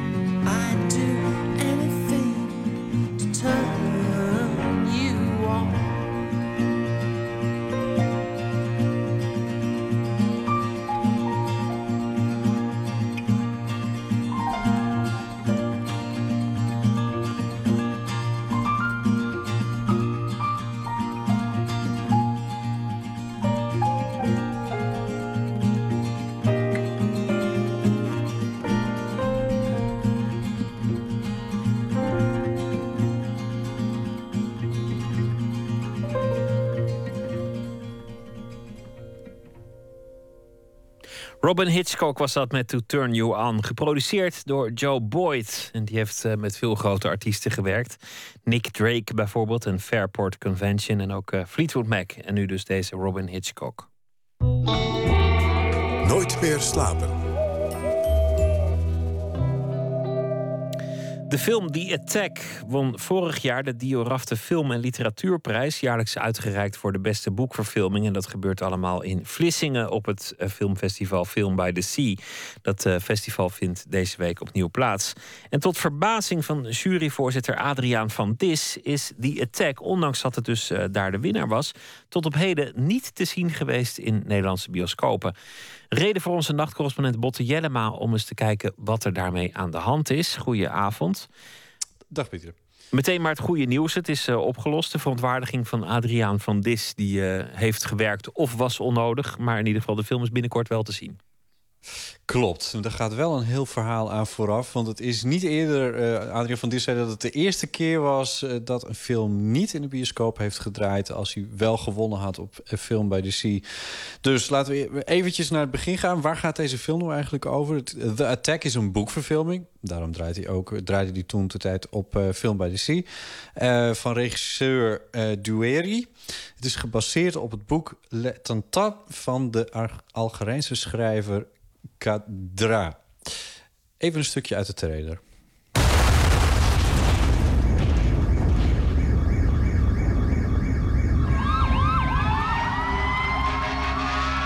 شو الإصابة ندول 17 قتيل جابوا المستشفى اليوم بنتن 11 ولد יש לנו גופה, דוקטור ג'עפרי, ואנחנו צריכים לזהות אותה. המחבלת שפוצצה את עצמה במסעדה הזאת הייתה אשתך. אמין, בחבק כתיר. זאת לא היא. אין סיכוי שזאת היא. Hebreeuws en Arabisch eh, door elkaar. Die attack in het Engels, Latenta in het, in het Frans. De aanslag. Uh, het gaat kortom over het uh, Midden-Oosten, over het Israëlisch-Palestijnse conflict. Ja, je hoorde al eventjes uh, dokter Jafari. En uh, daar gaat het over. De hoofd, dat is de hoofdpersoon. Amin Jafari. Die, dat is een Israëlisch-Palestijnse chirurg. Die woont en werkt in Tel Aviv. Heeft er een vrouw. Heeft er vrienden, zowel Joods als Palestijns. Heeft een goede carrière. Nou ja, hij is het voorbeeld voor verbroedering. Maar dan komt zijn vrouw om het leven bij een bomaanslag. Vandaar die knal in een restaurant. En eh, dan staat zijn hele leven zo ongeveer op de kop. En zeker als de politie dan denkt dat zijn vrouw de dader is. En Amin die blijft geloven uh, dat zij het niet heeft gedaan. En die gaat dan op zoek naar de waarheid. Nou, vanuit daar uh, ontspint zich dan dat verhaal. En de voorzitter van de jury van Film by the Sea, uh, Adria van Dis... die kon tussen zijn filmverplichtingen even in Vlissingen... want het is nu dus weer aan de hand daar... even aan de telefoon komen... En heeft mij even uitgelegd waarom de Attack vorig jaar won. Het was een Arabisch-Israëlische productie. Ja, had een grote actualiteit. En het wonderlijke is dat die film nog actueler is dan vorig jaar. Het is een film gemaakt door een uh, Libanese filmer, Ziad Doueri. Die, dat was cameraman onder Quentin Tarantino. Hij heeft onder andere Pulp Fiction gefilmd en Reservoir Dogs. Om die film te maken, die in Israël geschoten is, zoals dat heet, moest hij de boycott van de Libanese filmbond uh, naast zich neerleggen. Hij moest ook een boycott van de Arabische wereld naast zich neerleggen. Want het wordt ook gespeeld met Palestijnse acteurs, met Israëlische acteurs, op Palestijns grondgebied en op, zeg maar, uh, Israëlisch grondgebied. Uh, zelfs met toestemming van het Hezbollah werd aanvankelijk die film gemaakt. Nou ja, Adrien van Dis die zegt dat het een beetje pijnlijk is... dat toen uiteindelijk die film klaar was... dat hele, uh, die hele Arabische wereld die zo ongeveer verlangs komt... zo net in dat verhaal van Adriaan... Uh, dat hij de aanvankelijke sympathie voor had... maar dat hij dat toen die film er eenmaal was... weer heeft uh, ingetrokken. Dus... Nu lijkt het een klein beetje alsof het een uh, Europees-Israëlische film is... maar hij is dus net zo goed Arabisch. En volgens Adriaan van Dis uh, wordt deze film ook heel veel gedownload... door uh, jonge Arabieren. En dan met name jonge Arabieren die een beetje willen ontsnappen... aan de, ja, de oude mores in het Midden-Oosten. En ondertussen viel deze film dus ook overal in de prijzen, zelfs in Nederland. Maar hij is dus niet te zien in de Arabische wereld en ook niet in Nederland. En daar wint Van Dis zich heel erg over op. Ik zou het ook een gebaar vinden van solidariteit met Israël. Waar toch een klein groepje progressievelingen is die nog steeds die brug wil slaan. En dan gaan we verdomme die film niet bekijken. Een belangrijke film, al met al. En nou ja, een, een prestigieuze prijs gewonnen. eh, een conflict dat heel erg in het nieuws is. En dan een, een film met een heel bijzonder verhaal erachter. En hij is dan nergens te bekijken. Hoe is het mogelijk? Ja, ik heb dat eh, distributeur Cineart gevraagd. En directeur eh Wally Pollet die laat per mail weten dat het eh, kort gezegd een centenkwestie is. Hij, had er, hij zegt het heeft geen inhoudelijke redenen dat ze hem niet wilden laten zien. Maar, ik citeer hem eventjes letterlijk... De film is geflopt in Frankrijk en België, waardoor het risico te groot is. Ook zeker wanneer de filmtheaters niet heel erg staan te springen om de film uit te brengen. En per week tussen de 7 en 14 nieuwe films worden uitgebracht. Einde citaat. Nou, juryvoorzitter van Film by the Sea, Adriaan van Dis, heeft daar niet zo heel erg veel begrip voor, voor die centenquiz. Hij vindt de film zo belangrijk dat het daar eigenlijk niet op stuk zou moeten lopen. En ik vind het ook een kwestie van moed. Want er is iets wonderlijks gebeurd in Nederland. We waren, eh, laten we zeggen, mijn generatie, en dat laat ik vooral voor mezelf spreken, 20, 30 jaar geleden waren we erg pro-Israël. Tweede Wereldoorlog en het volk dat zich hervindt en een toekomst zoekt daar. Eh, en plotseling zeggen we, ja, maar wat Israël doet in Palestina, hè, met dat verleden zouden ze zo niet mogen handelen. En wij komen nu op, de Palestijnen neigen tot een boycott van producten uit de Westbank, de bezette gebieden. En dit is een film die eigenlijk ook een, goede kant van Israël laat zien. En dat is niet zo bon ton om dat naar buiten te brengen. Maar goed, je zei aan het begin dat hij, dat hij uiteindelijk dus wel in Nederland te zien zal zijn. Ja, na, na afloop van, van deze emotionele oproep afgelopen weekend op eh, die nieuwe editie van Film by the Sea, waar hij trouwens deze film ook nog weer een keer heeft laten zien. ehm, toen eh, kwam er van iemand van een Cineart, die distributeur dus, die kwam naar hem toe. En die vertelde hem dat de Attack gaat draaien. En wel op het festival Movies That Matter. En dat is eh, eh, eh, echt heel goed nieuws, want... eh, in dat programma eh, gaat het ook op tournee. Dat betekent dat de Attack vanaf 6 oktober in 12 steden door het hele land is te zien. Nou, en Van Dis had daar nog maar één ding aan toe te voegen. Wat ik jammer vind is dat, dat de tekst het niet opgenomen heeft. Als je merkt dat zo'n film bekroond wordt en dan niet te zien is... dan zou je als journalist daar mogelijk eens een woord aan kunnen wijden... en zoveel reuring maken dat er uiteindelijk wel een publiek is... dat zegt, ik wil toch wel die film zien. We hebben met ons gedram al een klein beetje wat voor elkaar gekregen. Maar nou moet de VPRO hem nog uitzenden. Ja, nou, eh, daar kwam ik van Dis niet zo lang geleden tegen. En toen begon hij daar tegen mij ook over te lobbyen... dat de VPRO die film moet uitzenden. Alsof ik daar enige invloed op... Alsof ik, alsof ik bij de VPRO ook maar iets in de melk te brokkelen heb. Ehm, ach. ja, eh, nee, eh, de film, maar goed... De VPRO zou hem op, op tv moeten laten zien. Ik heb van meerdere mensen trouwens wel gehoord... dat het inderdaad een, een zeer indrukwekkende film is.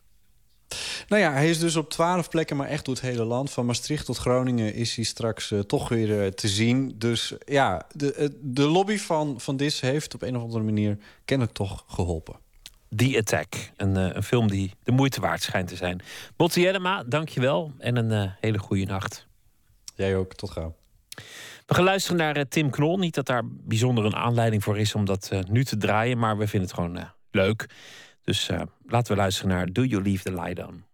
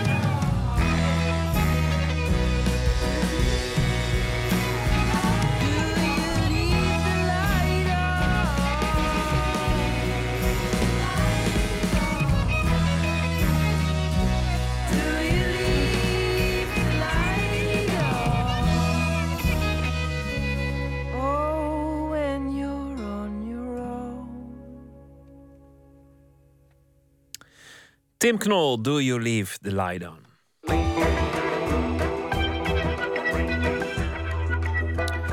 Atelier van Lieshout en AVL Mundo organiseerden afgelopen weekend het Happy Industry Festival in Rotterdam.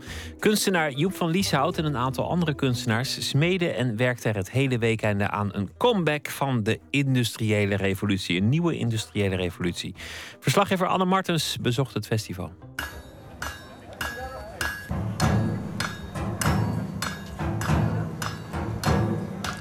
Afgelopen weekend vond er een neo-industriële revolutie plaats in Rotterdam. Kunstenaar Joep van Lieshout en stichting AVL Mundo organiseerden het festival Happy Industry.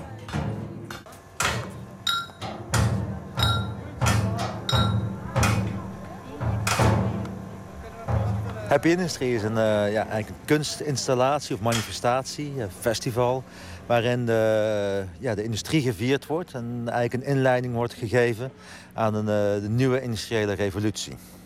Dus een grote omwenteling waarin de industrie weer van doorslaggevend belang wordt. En dat heb jij zelf bedacht, dat dat komt, de nieuwe industriële revolutie? Ja, dat heb ik gedacht, want ik denk namelijk wat er nu gebeurt... is dat alle, alle industrie daar naartoe gaat waar het goedkoopste produceren is. En hier in Nederland zijn we een soort leger van dienstverleners, uh, bureaucraten en technocraten.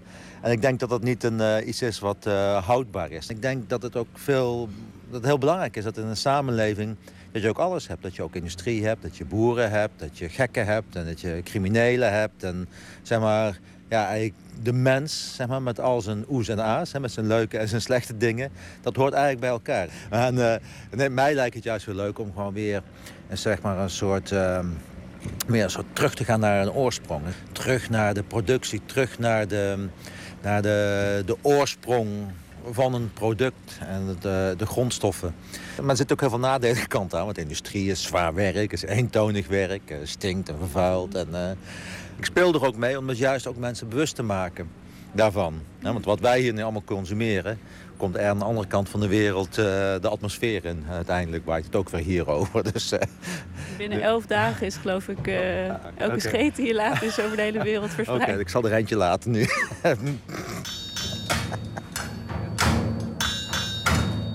In verschillende tenten is te zien hoe smeden werken aan de kunstwerken van Atelier van Lieshout. En hoe andere kunstenaars mallen maken en experimenteren met metaal. We hebben vijf kunstenaars uitgenodigd en ijzerij Paulus. Uh, om dan hier in de fabrieken die wij hebben neergezet hun werk te kunnen maken. Nou, we hebben al uh, heel veel nou, gegoten. Er is een uh, hele grote bloedbeker gesmeed. Dat is een, een groot kelk, centimeter of twintig hoog. Uit één stuk smeedijzer. Nou, het is een gigantisch archetypisch ding. Ja, een bloedbeker, de naam zegt het al. Waar je zeg maar, uh, erboven met een bijltje mensenschedels kan uh, openhakken. En dan het bloed verzamelen voor zeg maar, een soort rituelen. En um, ja, die, dat ding dat is zo ongelooflijk zwaar en echt en indrukwekkend. Je ziet echt het zware staal, enorme moeten van de hamers die er... Ze hebben echt met z'n vieren de hele dag staan rammen, rammen, rammen. Zijn hier bij van gigantische tassen? Uh, duizend kilo per tas. Oh. Het zijn allemaal uh, stukjes aluminium. Ja, kijk, kun je nog zien. Dat is een, uh, nou, een stuk van een raamkozijn geweest. blikjes. Het, een soort, het ziet er een beetje uit als grind. Ja, de, uh, het project is uh, gesteund door de gemeente Rotterdam, maar ook een aantal uh, bedrijven, sponsoren uit Rotterdam. En die zitten in de metaalrecycling. En een van die dingen die ze doen, is dat ze van alle huisvuil van Rotterdam wat verbrand wordt, uh, filteren ze de, de metalen eruit. Dat is 0,3% uiteindelijk. En dat, dat hebben ze ons gegeven. Dus onze slogan is ook zo, iedere Rotterdammer draagt onbewust bij aan een kunstproject.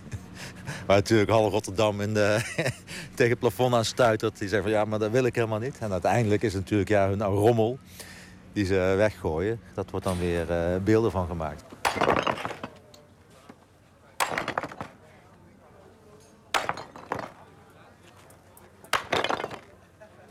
Wat ben je aan het doen? Hakken. Gietijzer aan het uh, kapot hakken. Ja, het zijn allemaal uh, reststukken denk ik, allemaal gerecycled. En, moet nu in kleine stukjes voor de cupola geslagen worden. Dat is uiteindelijk die eh, daar, eh, ja, daar. Uiteindelijk gaan we daar een beeldje mee, eh, mee gieten. Met gesmolten gietstaal. Ik ben Harm Verhagen en ik werk voor Atelier van Lieshout. Ik ben eigenlijk de bedrijfsleider daar. En wat we gaan proberen is om eh, met deze cupola-oven, zo heet dat... eh, genoeg temperatuur te bereiken dat we staal kunnen gaan gieten.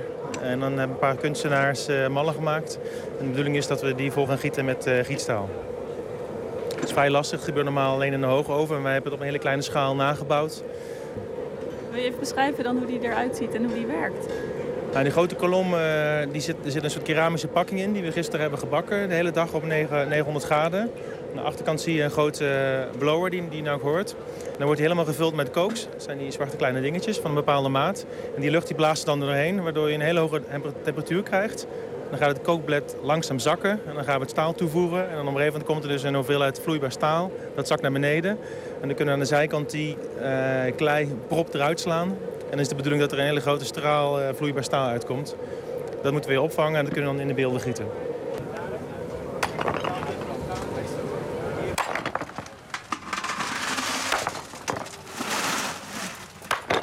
Kevin van Braak is een van de kunstenaars die ook meedoet aan Happy Industry. En hij heeft een buste van Adolf Hitler meegenomen. Nou, die, die heb ik een keer gekocht in eh, Italië op de Rommelmarkt. En ik wou hem eigenlijk omsmelten en er een ander dingetje van maken. Maar toen dacht ik, als ik hem omsmelt en ik gooi hem gewoon in de oven... dan gaat de deksel dicht en dan zie ik niet wat er gebeurt. Dat vind ik een beetje jammer. En eh, omdat ze hier bij de smederij gewoon flink met hamers aan het rammen zijn... dacht ik van, nou, dus leg ik hem op een aanbeeld en dan laat ik hem, eh, laat ik hem plat slaan. Dus gaan we even vragen of het nou kan.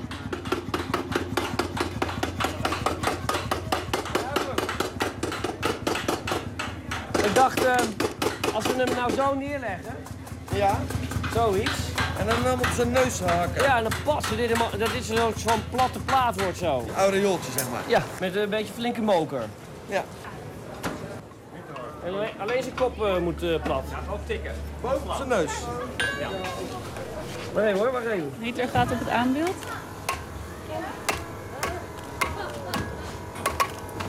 En dat was het. Oh. De kop is eraf, jongens. Ah, maar die neus is wel goed met een snorretje hoor. Ja, eh, echt een deuk erin. Ik vind het wel mooi zo. Ik laat hem zo.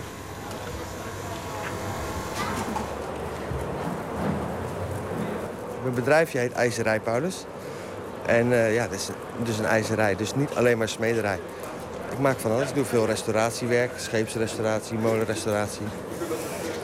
Vind je dat Joep van Lieshout gelijk heeft? Dat er te weinig industrie te zien is? Ja. Ja? Ja, tuurlijk.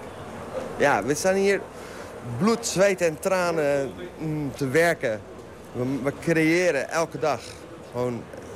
En die mensen genieten ervan. Iedereen. Het zijn soms wel voor twintig mensen foto's te maken. En, en dat is ook niet voor niks. Het is gewoon omdat mensen het missen.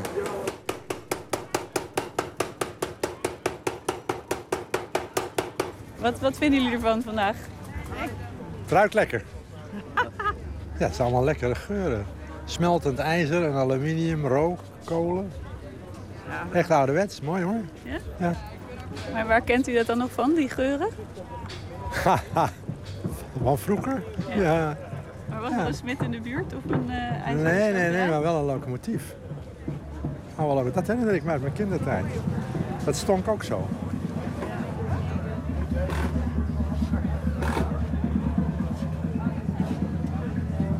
Het einde van de dag? Is het allemaal gelukt? Het is nog niet het einde van de dag. We gaan door tot 12 uur s'nachts.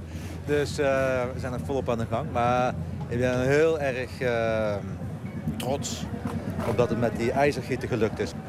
En dit, heb ik op het allerlaatste moment nog afgegoten omdat we te veel eh, gietijzer hadden. Heb ik nog heel snel een, eh, een pik gemaakt van piepschuim. Dus die eh, op het allerlaatste wel moment. vierkant. Hè? Hij is, ja, nou zo. Zijn ze bij jou rond dan?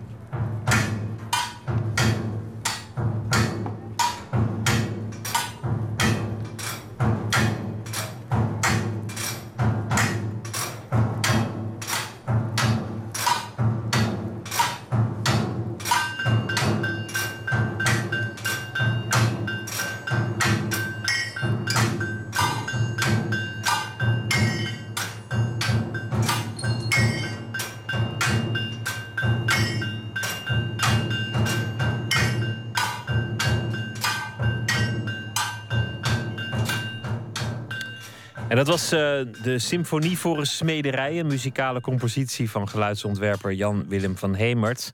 Die met het gereedschap en de smeden van IJzerij Paulus een uh, stuk ten gehore wist te brengen. De hoge klank die je af en toe daar doorheen hoorde, dat was dan de bloedbeker van Joep van Lieshout. Een bijdrage van Anne Martens. Laten we gaan uh, luisteren naar wat uh, muziek. 1978. Richard Branson was nog een ambitieuze platenbaas. Richtte een label op, Virgin Frontline, een sublabel voor de reggae-muziek. En omdat reggae niet vanzelf van Jamaica naar Engeland wist te komen, stuurde hij niemand minder dan punkzanger Johnny Rotten van de Sex Pistols naar Jamaica toe om daar de goede reggae voor hem te selecteren. Want punks op de een of andere manier hielden ook van reggae. De muziek is nu 35 jaar later terechtgekomen op een vijfdelige CD-box, Sounds of Reality. En daarvan hoort u nu Althea en Donna met Going to Negril.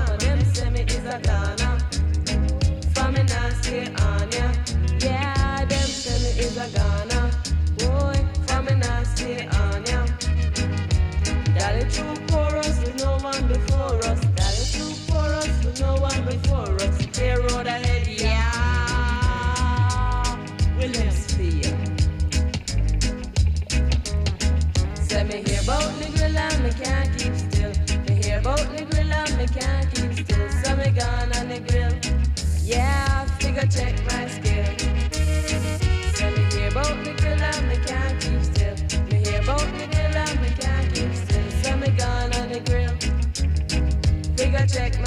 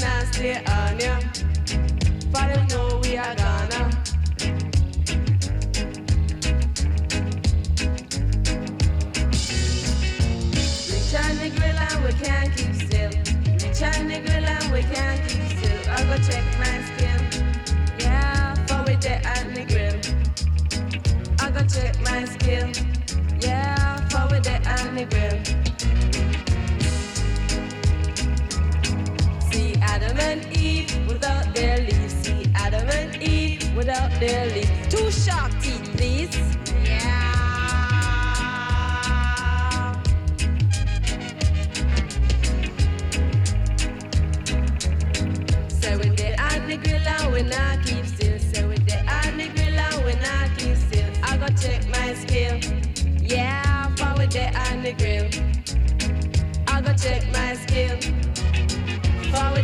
the grill. Say with the on the grill and we not keep still. Say with the on the grill and we not keep still. I go check my skill.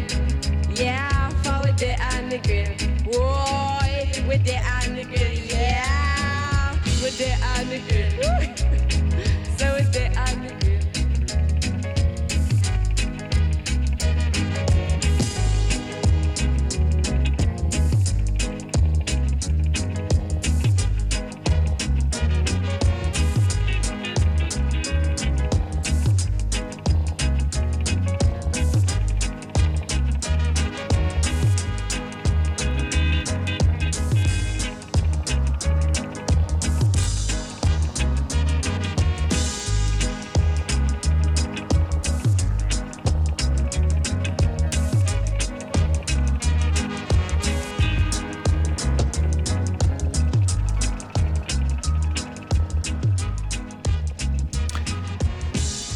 Van Jamaica, Althea Rose Forrest en Donna Mary Reed. Respectievelijk 17 en 18 jaar oud in der tijd. Dit was eh, Going to Negril.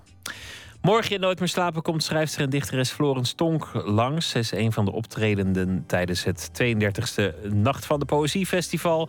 Een jaarlijks festival dat aanstaande zaterdag zal plaatsvinden in Tivoli Vredenburg. En uh, we maken een rondgang door het gemeentemuseum te Den Haag... waar uh, een grote tentoonstelling wordt ingericht met werk van de Amerikaanse kunstenaar Marco Rothko. Het is de eerste Nederlandse Rothko-tentoonstelling sinds 40 jaar. En we gaan ook praten met documentairemaker Rosemien Afman over Hollywood Banker. Was de bijnaam van haar vader Frans Afman, de Hollywood Banker. Dit was het voor uh, vannacht. Ik wens u een uh, hele mooie nacht toe en morgen een hele mooie dag. En graag weer tot morgen. Twitter, VPRO-NMS of in de mail nooit meer slapen. Zometeen op deze zender WNL met Nog Steeds Wakker. Ik wens u een hele goede nacht en graag tot morgen.